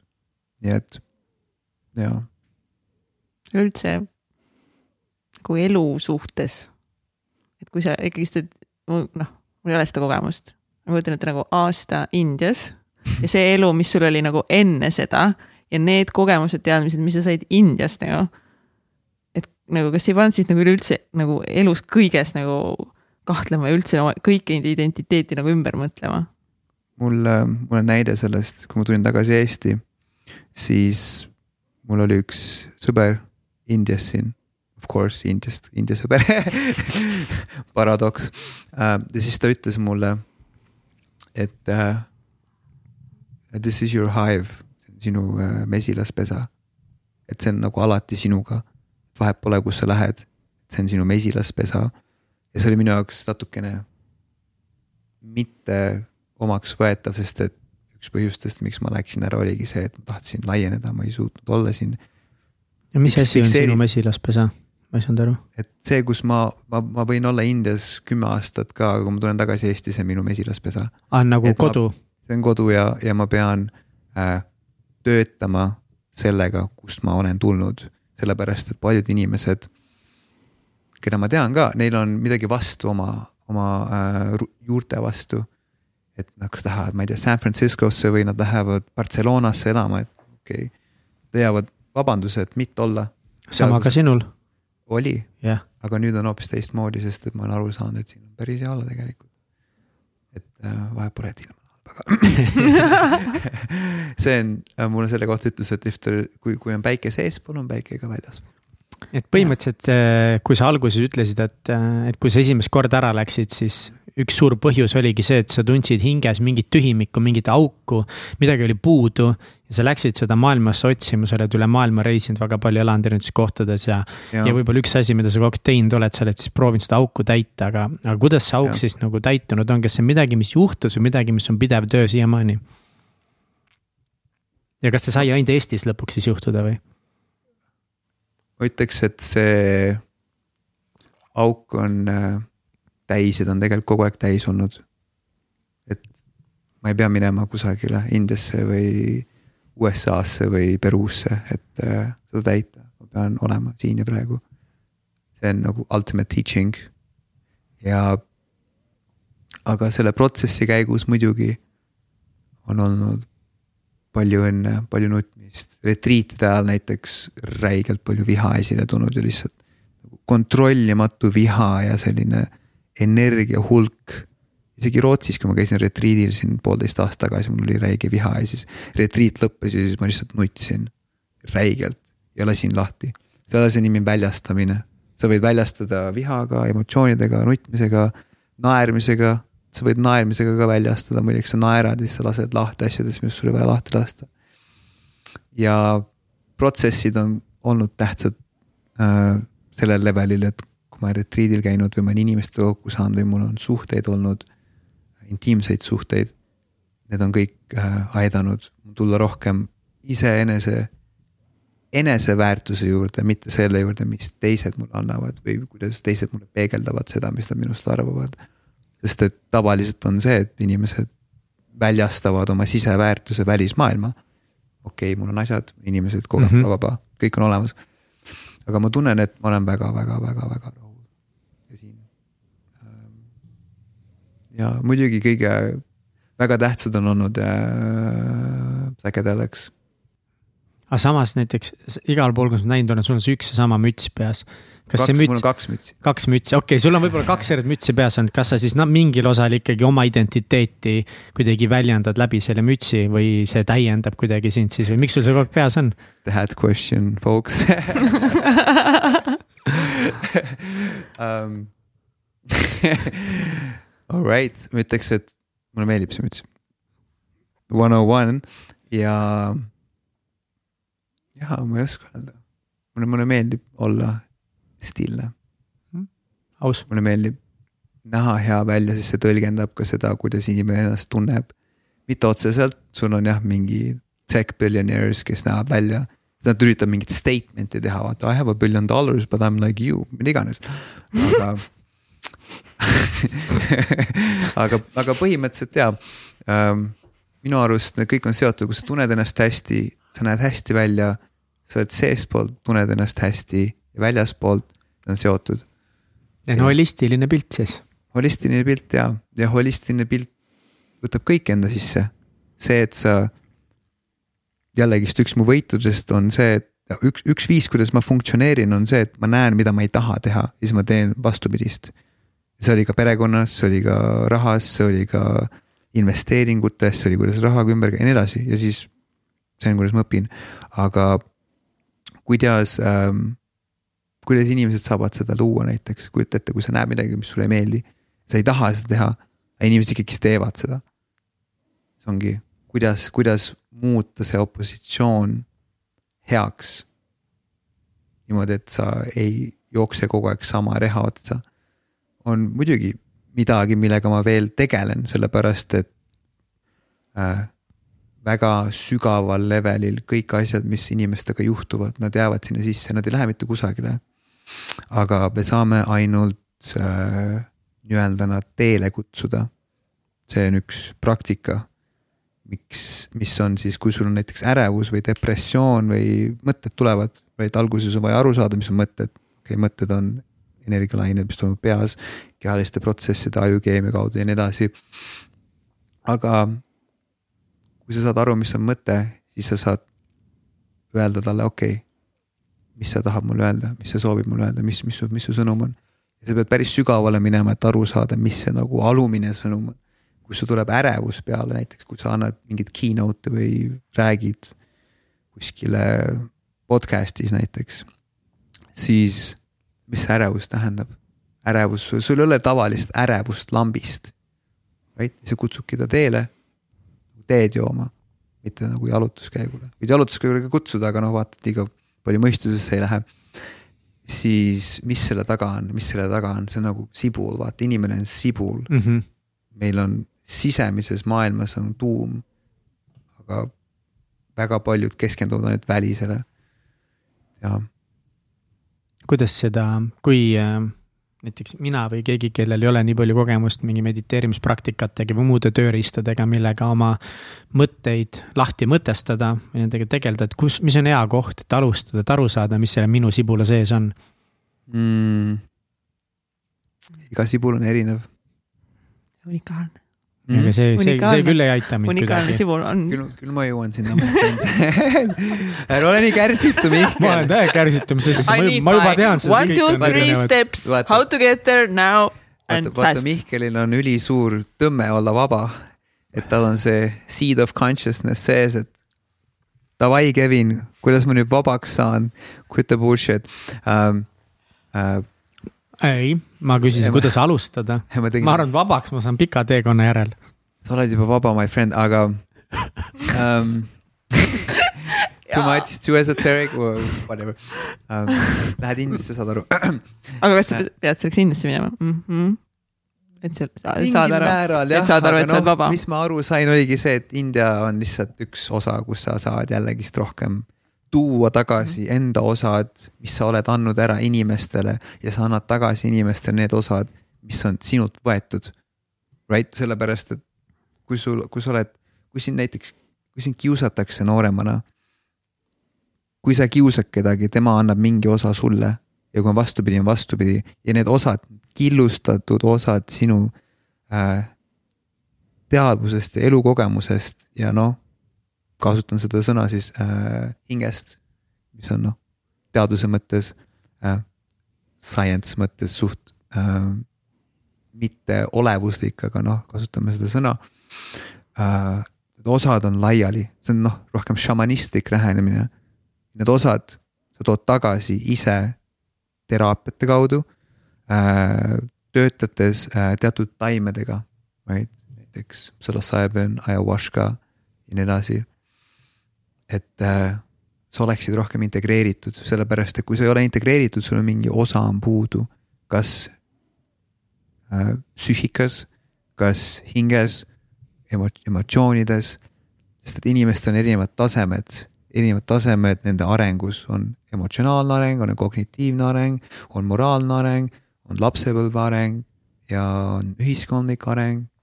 Erinevad intelligentsid on, vaata, ei ole ainult IQ või see äh, Q point, mis on siis meie põhiline metric, et mõõta, mis inimese ajus toimub, see on väga multi-layered, mis toimub. Right, ja kuidas alustada? võta üks suur hingetõmme ja lase välja ja ole siin. sellepärast me oleme treenitud mõtlema, me oleme treenitud tegema, me oleme treenitud alati olema tegevuses. aga startup ides on accelerators, vaata. kiirendid. kiirendid jaa, aga selline kontsept on nagu decelerator as well, aeglusti. sest kui sa räägid. kas startup'ide maailmas või mis muus maailmas? ei, üleüldiselt mm., no eks see mm, -hmm. eks see kontsept mingil määral. ma tean inimesi, kes sellega tegelevad, sest ma olen startup'ide maailm, startup'ide mm -hmm. maailmas suht pädev, aga see on üks äh, viis, sellepärast et kui sa räägid näiteks ajulaine levelil, siis kui sul on äh, äh, kogu aeg tegevus, siis sa oled alfa ja beeta ajulainel, rohkem alfa ja nii edasi. aga kui sa lähed teeta ajulaine tasemele, delta on juba sügav uni, et noh, sinna on väga-väga raske saada, sa pead olema hästi treenitud või hästi äh, õnnistatud inimene, et saada deltasse nagu niimoodi. aga noh, räägime datast rohkem see seis, kus sa oled äh, rahulikus seisus, kus sa oled äh, valmis saama ajult informatsiooni, mis viib sind edasi sinu äh, innovatiivsuse suhtes ja aitab ka taastuda, see on nagu kahe otsaga selles ajulaine seisus, et üks on see, et sa saad ideid ja innovatiivsust. ja teine on see, et sa aeglustad ennast, sa rahustad oma närvisüsteemi. ja olles rahulik, tehes asju rahuga, näiteks mindful leadership. mis asi on mindful leadership, mis asi on emotion intelligence, ka sellega seonduses on see, et sa võtad ruumi ja annad ruumi, oled koos inimesega niimoodi, et sa ei ole energeetiliselt ülekoormav. ja alustada olemisega ja kõige, kõige, kõige, kõige kergem ongi alustada oma hingamise jälgimisest mitte nii, et noh.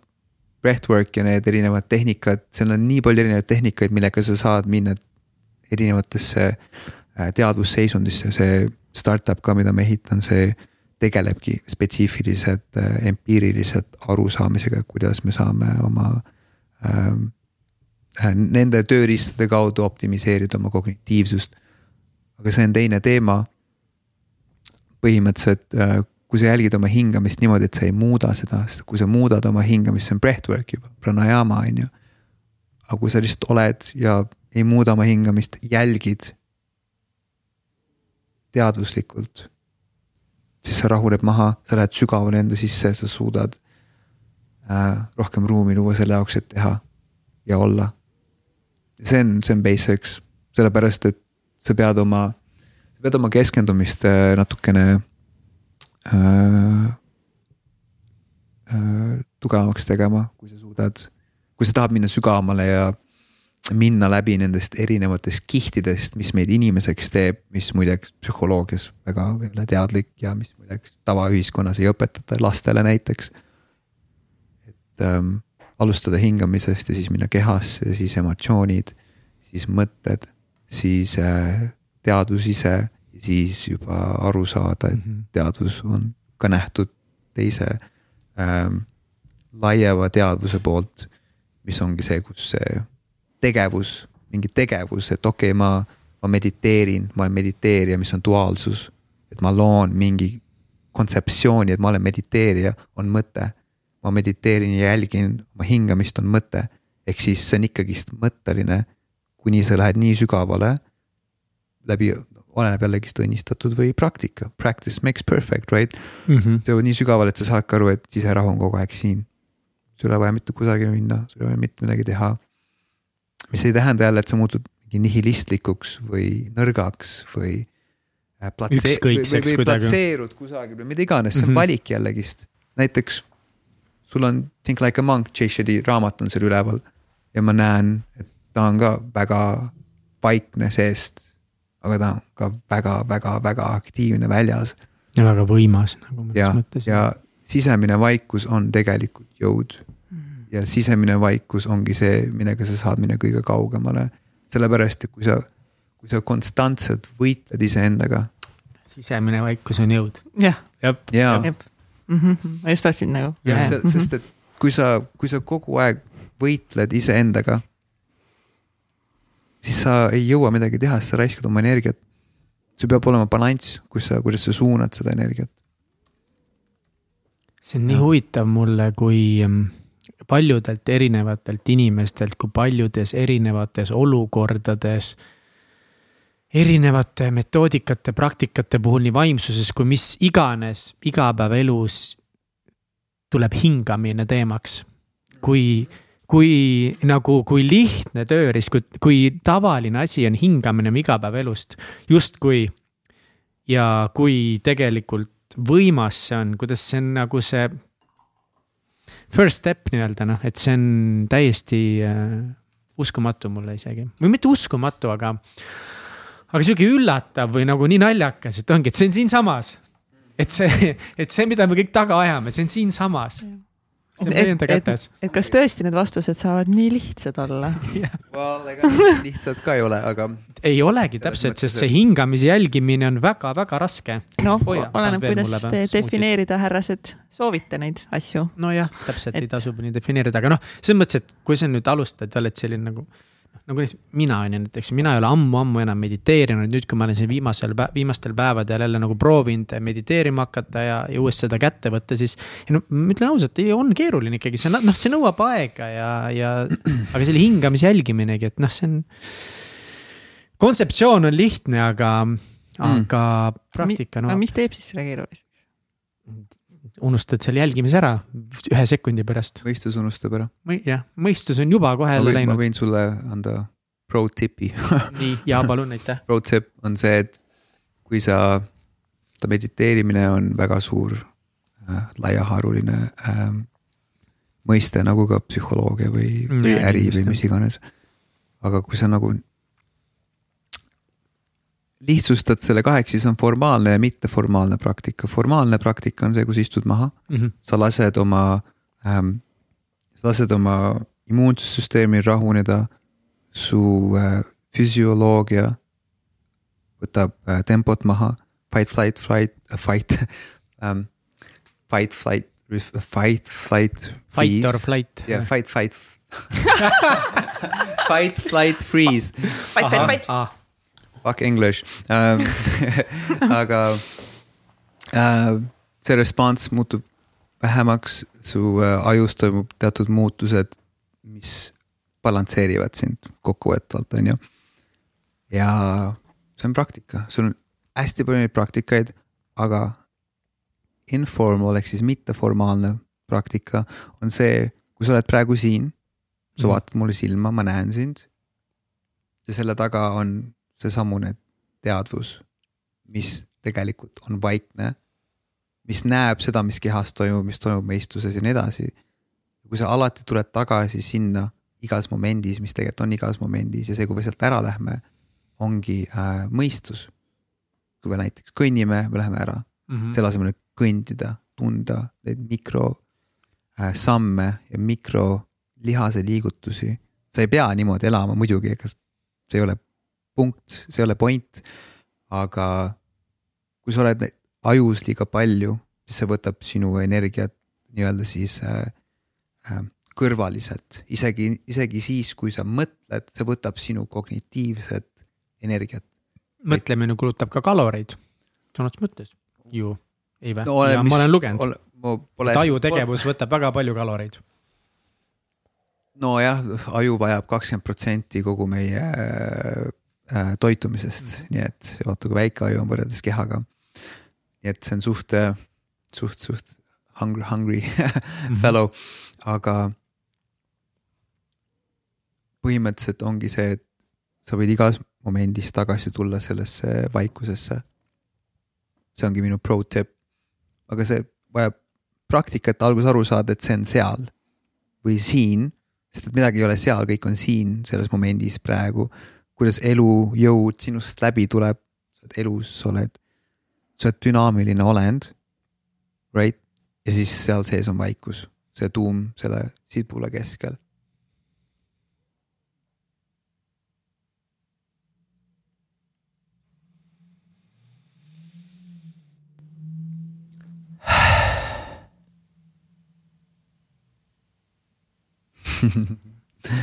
jess. väga ilus me valasime endale smuutit, me lööme need smuutid kokku taas.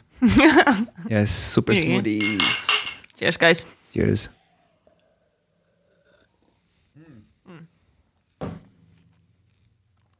mis on veel mingid äh, kõige suuremad äh, taipamised, mis sa nüüd veel nende aastate jooksul äh, saanud oled?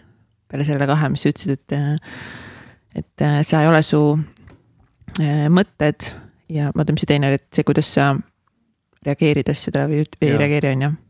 jaa. mis on veel? ma arvan, ma olen õppinud efektiivsust, kuidas äh,, sest et kui ma reisin hästi palju, siis ma nägin ka hästi palju äh, ettevõtjaid ja äh, kõrgetel high performance, ma ei tea, kuidas eesti keeles on, kõrgel kabri-, kab-, kabriiril mm,. ma ei, ma ka ei tea nagu, aga noh no.. high performance, just Kristeliga tõlkisime seda ja mm. aga noh, aga kõrgel tasemel. kõrgel tasemel tegutsevad, tegutsevad inimesed ja, ja siis näiteks Barcelonas ja San Franciscos ja see ongi üks minu võitudest, et ma olen alati keskendunud nendele kohtadele, inimestele, kus ma tean, et ma kasvan kõige rohkem. sest et minu, minu üks ähm, kasvamismeetodist on see, et ma kasvan inimestega ja kuulan, omad ideed, suudan kokku panna ja niimoodi ma õpin väga hästi. ja et kuidas efektiivselt asju teha, et näiteks äh, meie aeg on limiteeritud ja me teeme päevas nii palju asju tegelikult number üks, mis ei ole meie kontrolli all.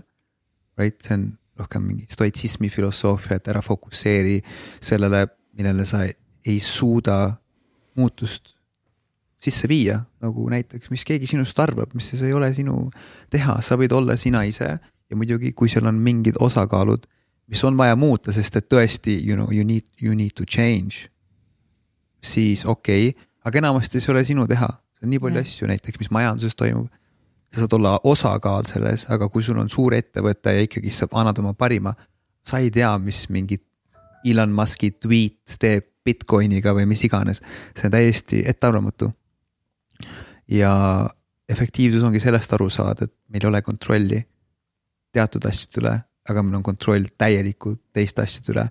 ja et sa ei, et sul ei ole aega, vaid sa teed oma ja, ja noh, kui ma olen reisinud palju, siis äh, ma olen kasutanud aega otstarbekalt ja mitteotstarbekalt ja ma olen näinud, kuidas inimesed kasutavad seda, seda otstarbekalt ja mitteotstarbekalt, mõlemat. ja mind, mind alati imestasid inimesed, kui ma elasin koos näiteks äh, teatud ettevõtjatega, kuidas nad kasutavad oma aega ja kuidas nad ehitavad süsteemid niimoodi, et nad ei pea muretsema pisiasjade pärast.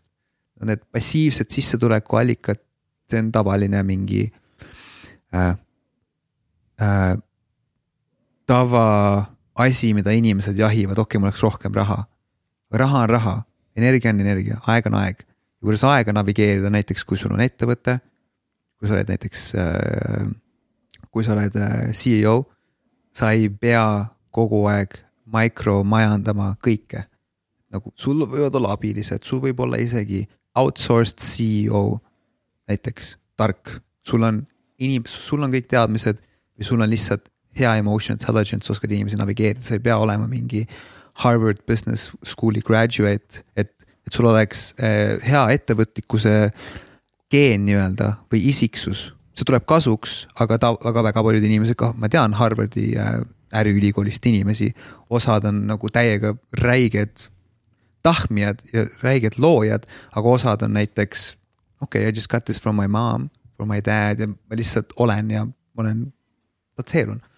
aga äh, need inimesed, kellel on tahtejõud, intelligents, visioon ja kui nad pane, oskavad selle kokku panna ka niimoodi, et nad näevad et nad lõbutsevad, nad oskavad olla lõbusad inimesed ja nagu mind, mind ausalt öeldes ei huvita, kui sa oled räige high performer, aga sa ei oska elu nautida ja nautimine ei ole see, et ma lähen joon kuskil privees mingi üli äh, fancy šampust või mida iganes, see on nagu no uh. -huh. see võib sinu jaoks olla sinu äh, nautimisviis, aga minu jaoks see ei ole tähendusrikas.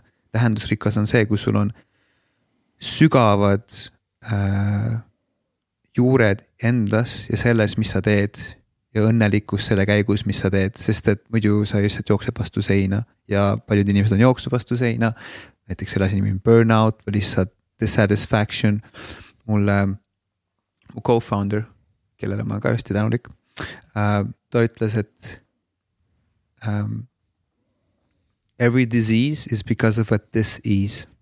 Et iga haigus on sellepärast, et on äh, mingi äh, dis-ease ehk siis äh,. ebakõla mm. -hmm. eba, ebakõla sees mm -hmm. jah, et ja. kuna, kuna meil on mingi ebakõla sees, mõttetasandil, emotsiooni tasandil, keha tasandil ja nii edasi, siis me loome endale need haigused. jah, aga efektiivsus on ka näiteks see, kui sa suudad äh, oma töö anda kellelegi teisele niimoodi, et sa delegeerid seda hästi.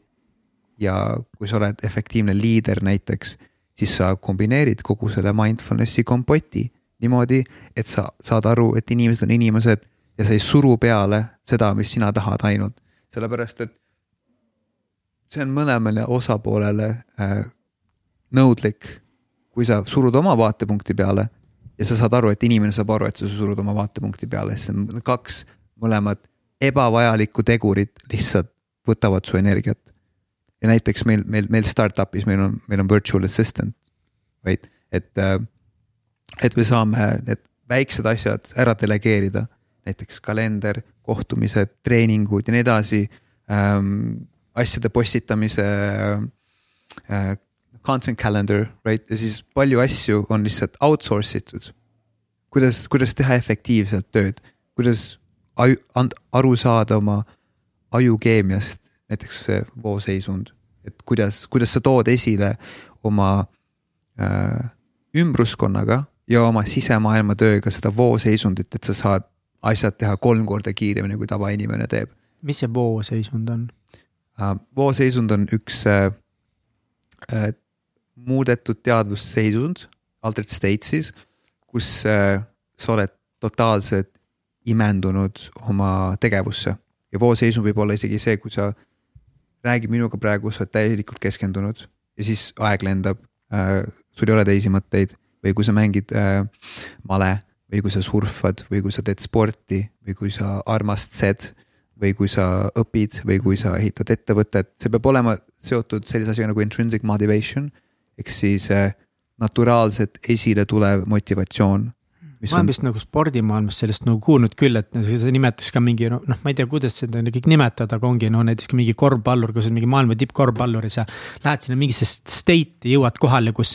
sa ei, sa ei noh, sa ei mõtlegi oma käe peale, lihtsalt igav ise kolmene läheb sisse, sest kogu su keha mõte, lihased, kõik liigub nagu mingi ideaalne mehhanism. jah, see ähm see on positiivse psühholoogia alustaladega, et noh, potentsiaal ja meaning ja kuidas inimene saab oma potentsiaali paika viia ja uskuge mind, inimestel on fucking palju potentsiaali ja see on vaja aru saada, et me ei ole kinni omaenda mõistuse vangis. kas sa ennast oskad vooseisundisse viia?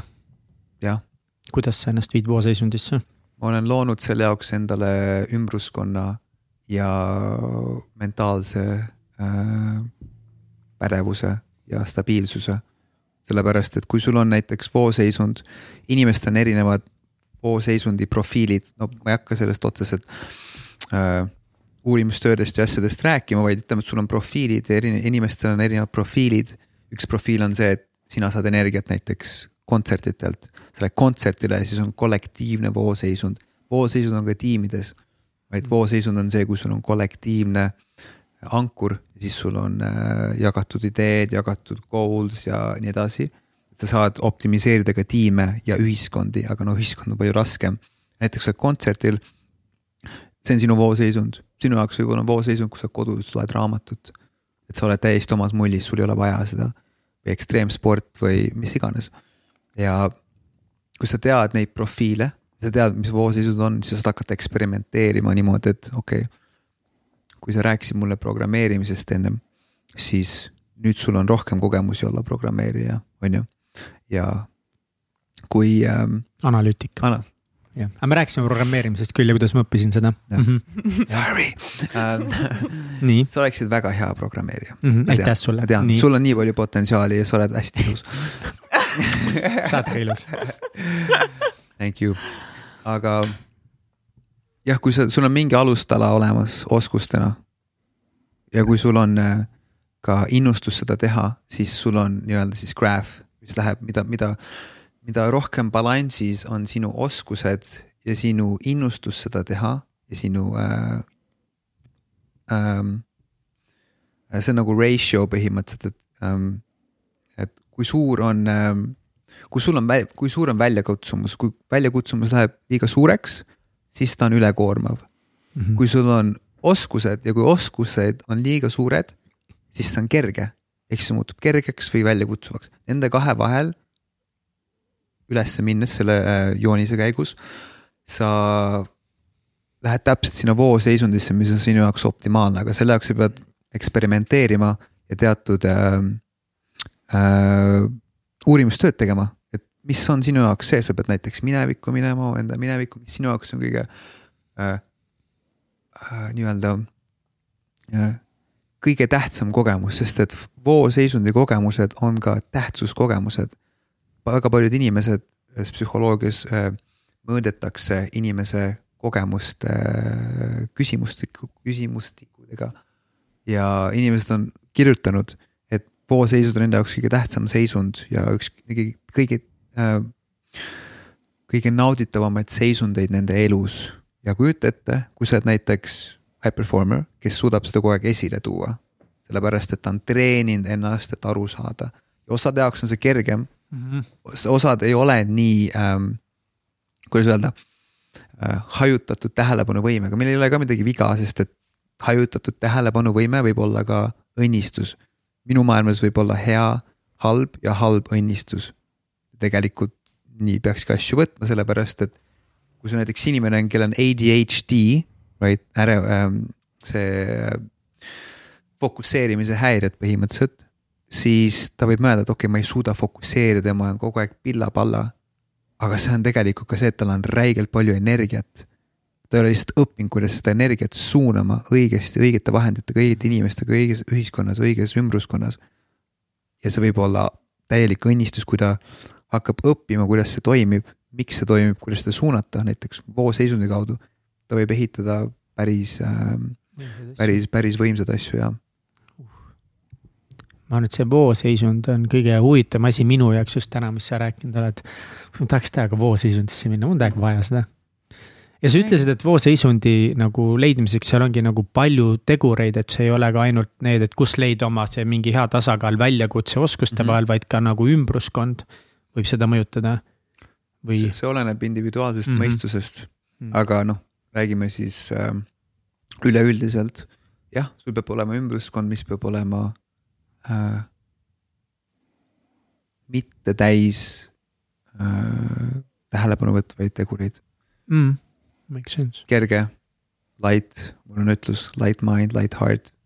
nagu sa pead sees ka kerge olema selle jaoks mingil määral, aga sa pead kombineerima selle, selle äh, ambitsiooniga.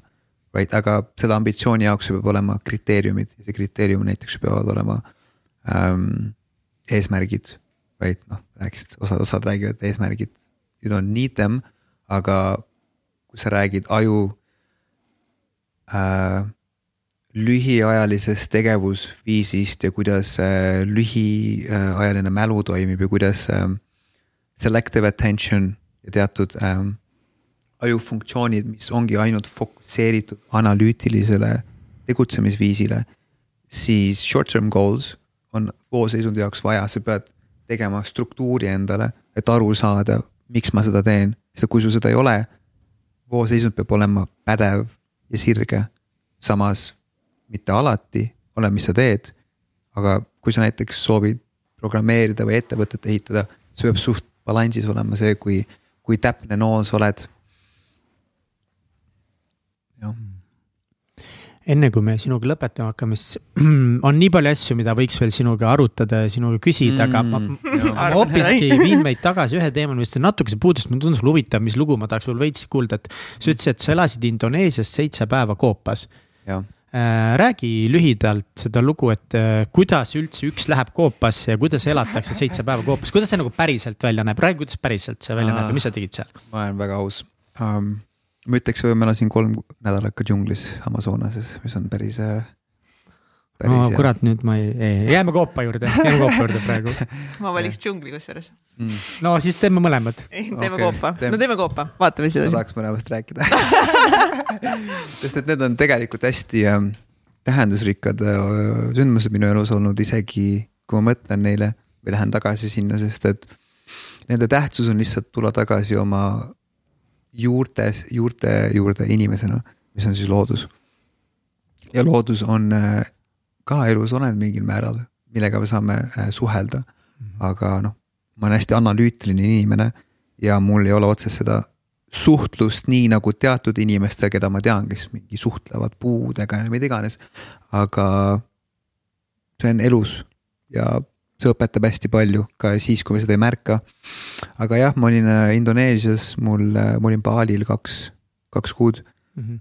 iga iga kell läks tagasi hästi palju tarku inimesi on seal. ja väga-väga raviv on minna baalile, olla baalil ja avastada asju, mida sa Eestis ei näe kunagi, nüüd on vaata tulnud Aasiast igalt poolt Eestisse. aga ikkagist sellel ajal väga ei olnud, vist, aga jah, ma tegin kümnepäevase äh, kookosvee äh, vastu. ehk siis kümme päeva järjest ma jõin ainult kookosvett ja ma tegin sellise korraliku. ma korra küsin kohe alguses, et kas see on nagu mingisugune teenus, mida sa saad kuskilt osta või see on mm -hmm. midagi, mida sa täiesti ise pidid enda jaoks üles seadma mm.? ma seadsin selle ise ülesse, sest et mu sõbral on äh, maa. seal neil on äh, kohvi, kohvi äh, asutused või mis iganes. kohvimikubade istandus või? istandused jaa mm -hmm,, okay. kohvipari istandused ja siis neil on seal üks äh, retreat center või hotell ja siis ma läksin sellest alla, seal oli nii-öelda siis hut, kus ei olnud äh, elektrit ega midagi. aga seal allpool veel oli üks koobas, siis ma olin seal koopas ja mediteerisin seitse päeva järjest, olin täiesti äh, vaikuses ja pimeduses. kas sa olid seal koopas öösiti ka või sa elasidki siis Kogu selles aeg. hütis? kogu aeg olid? ainult no, koopas? ma käisin, käisin väljas ka, aga ma käisin džunglit avastamas mm -hmm. ja jalutasin palja, paljajalu ringi seal ja käisin äh, koskede juures ja jess, see on amazing, aga jah, enamasti ma olin seal. okei okay,, siis sa ei olnud ikka, sa ei olnud seitse päeva nagu full on ainult seal pimeduses? Ei, ma olin ikkagist, ma ma olin väljas, aga ma olin mm -hmm. ikka õhtuti, õhtuti olin seal ja. aga sa ei ole teinud nagu full on seda pimeduse retriiti mingi? ei ole, ei ole, aga ma olen teinud neid vipassanaid. ja, ja, ja, ja, ja. ega see koop väga huvitav tundub. ja, ja, ja no aga osad inimesed käivad nagu siin Eestis ka ju nagu mm, noh, nad on, nad nagu, nagu reaalselt ongi seitse või kümme päeva lihtsalt nagu maa ja, all. nagu see on nagu lihtsalt, okei, see mulle meeldib rohkem, et see kohapeal nagu käid, vaatad seal koski ja. küll ma, küll ma kunagi proovin, aga praegu on lihtsalt see, et mul on jah, mul on, mul on väga palju asju teha. aga mida sa kogesid, mida sa kogesid seal koopas ja kas seal, kas see oli kuidagi nagu ebamugav ka nii palju kükitada seal koopas? see oli noh, adekvaatselt suur koobas, ütleme nii, et sa ikka said kõndida seal ja see mm -hmm. oli sama suur kui see siin, see ruum meil siin ja natuke madalam aga seal olid sellised vastikud putukad sees, kelle ma pidin välja viima, sest et mulle ei meeldinud see, kuidas nad välja nägid, mis oli täiesti sci-fi mingi alien bugs, mingi pikad, mingi no get out siis ma viisin nad välja. et jah, mul oli vaja lihtsalt olla seal vaikuses ja siis, kui ma läksin tagasi, siis kõik mingi wow, you did it, siis kohe jälle sinna sotsiaalse äh, looma äh, sisse tagasi, mis mulle räigelt meeldib, sest et inimesed on hästi imelised ja toredad tegelikult. mina näen inimesi imeliste ja toredatena, sellepärast et ma ise ei ole olnud see ja siis ma otsustasin minna teed pidi, kus ma olen. aga mida sa siis nagu õppisid või kogesid äh, selle koopa ja looduse meditatsiooni ja paastu seitsme päeva jooksul? vaikust jälle ja puhtust. sest et kui sa, mida rohkem sa praktiseerid teatud praktikaid seda rohkem sa saad puhtaks, kas äh, kehalisel levelil, emotsionaalsel mõttetasandil või ähm, ka selle jaoks puhtamaks, et sa oled valmis minema järgmisele tasandile oma treeningus.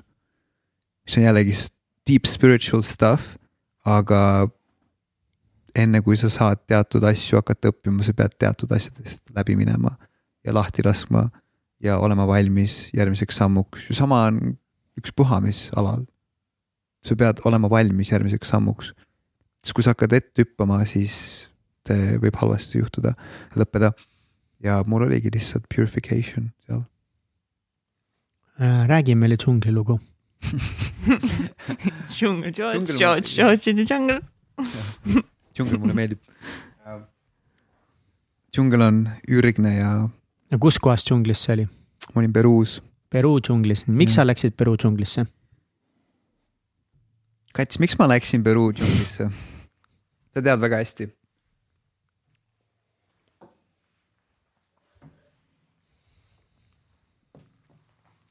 hmm..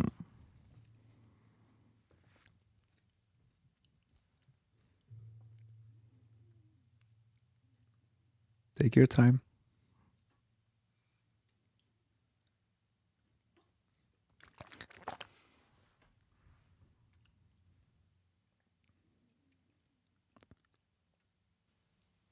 Issand, ma ei teagi, miks, oota, ei. kats ei ole sellise näoga, nagu ta tehakse. räägi meile. tuleb. aga mis põhjusel sa läksid sinna? miks sa arvad, et ma läksin? miks? mitte mida sa läksid sinna tegema, vaid miks sa läksid sinna no,? jah, mõle-, või mõlemad ma, ma, ma arvan, et ma tean, mida sa seal tegema läksid, aga miks, aga miks sa läksid sinna? Enna, ennast avastama. Õige vastus um,.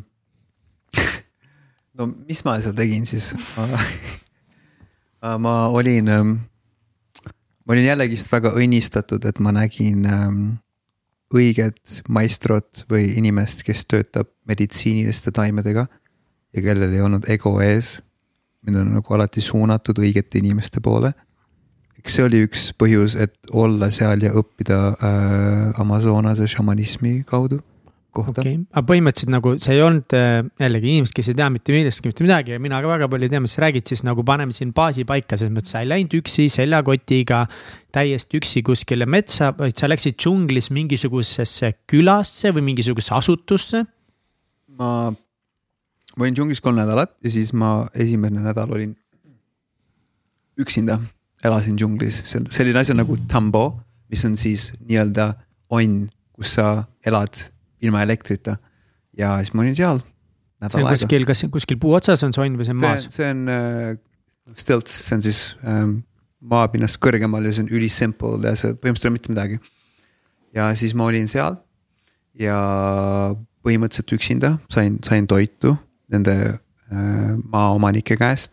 ja siis teisest nädalast ma läksin äh, retriidile, kus ma tegin äh, iidseid meditsiinilisi taimi kaua see retriit kestis? kaheksa päeva, see oli suht intens. iga päev tegite taimi mm,? neli-viis korda kaheksa päeva jooksul.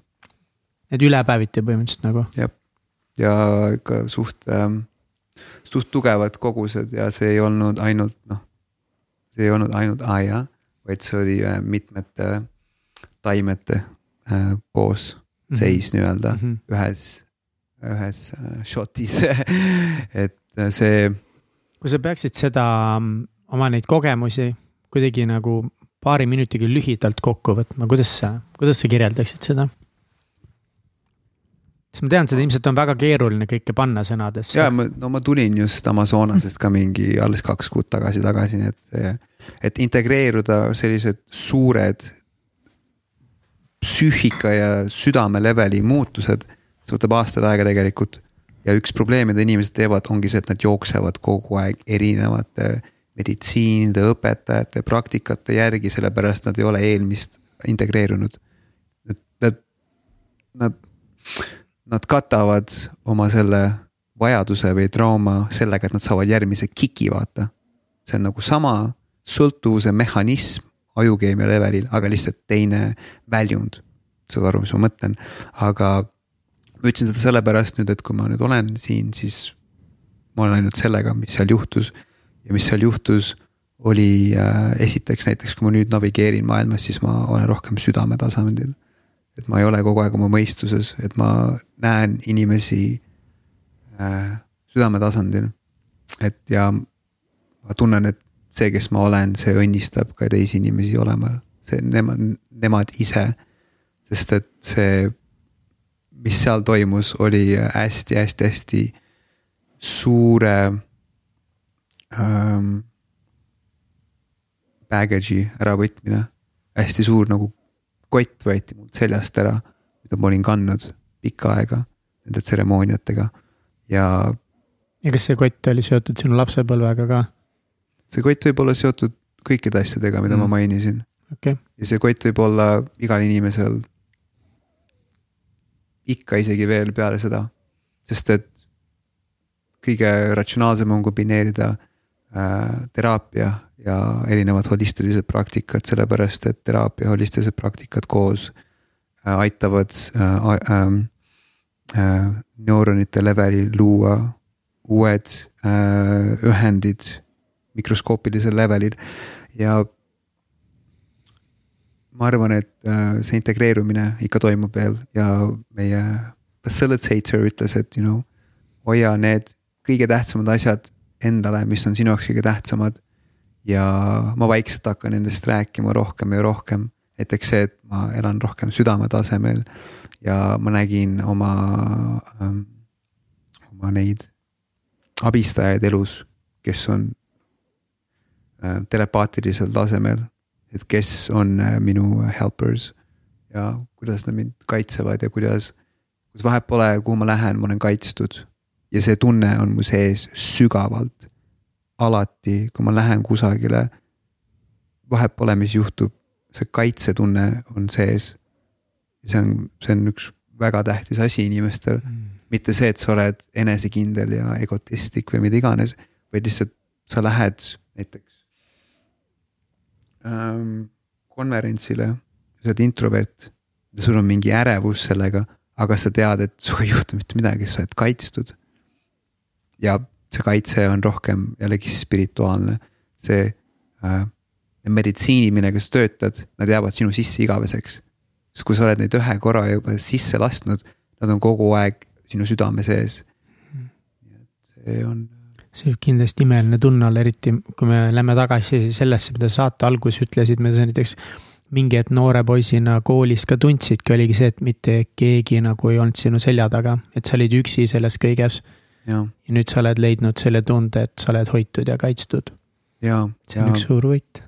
jah, see on suur võit ja see on, ähm, see on sees, see ei ole väljas, et keegi mm, -hmm.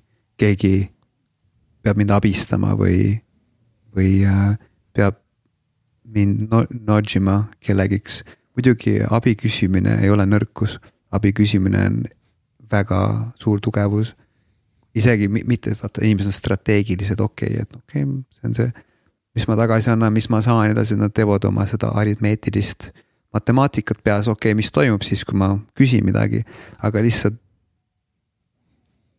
tugevus, vaikus on tugevus, nagu ma ütlesin, ja ka abi küsimine on tugevus, sest et nii paljud inimesed tegelikult kannatavad asjade all, millest ma ei tea mitte midagi. -hmm. ja inimesed hoiavad seda enda sees, sest et neil on selline tugev imago endast ja nad ei räägi asjadest, nad hoiavad oma valu sees, sest nad ei ole õppinud, kuidas seda välja lasta.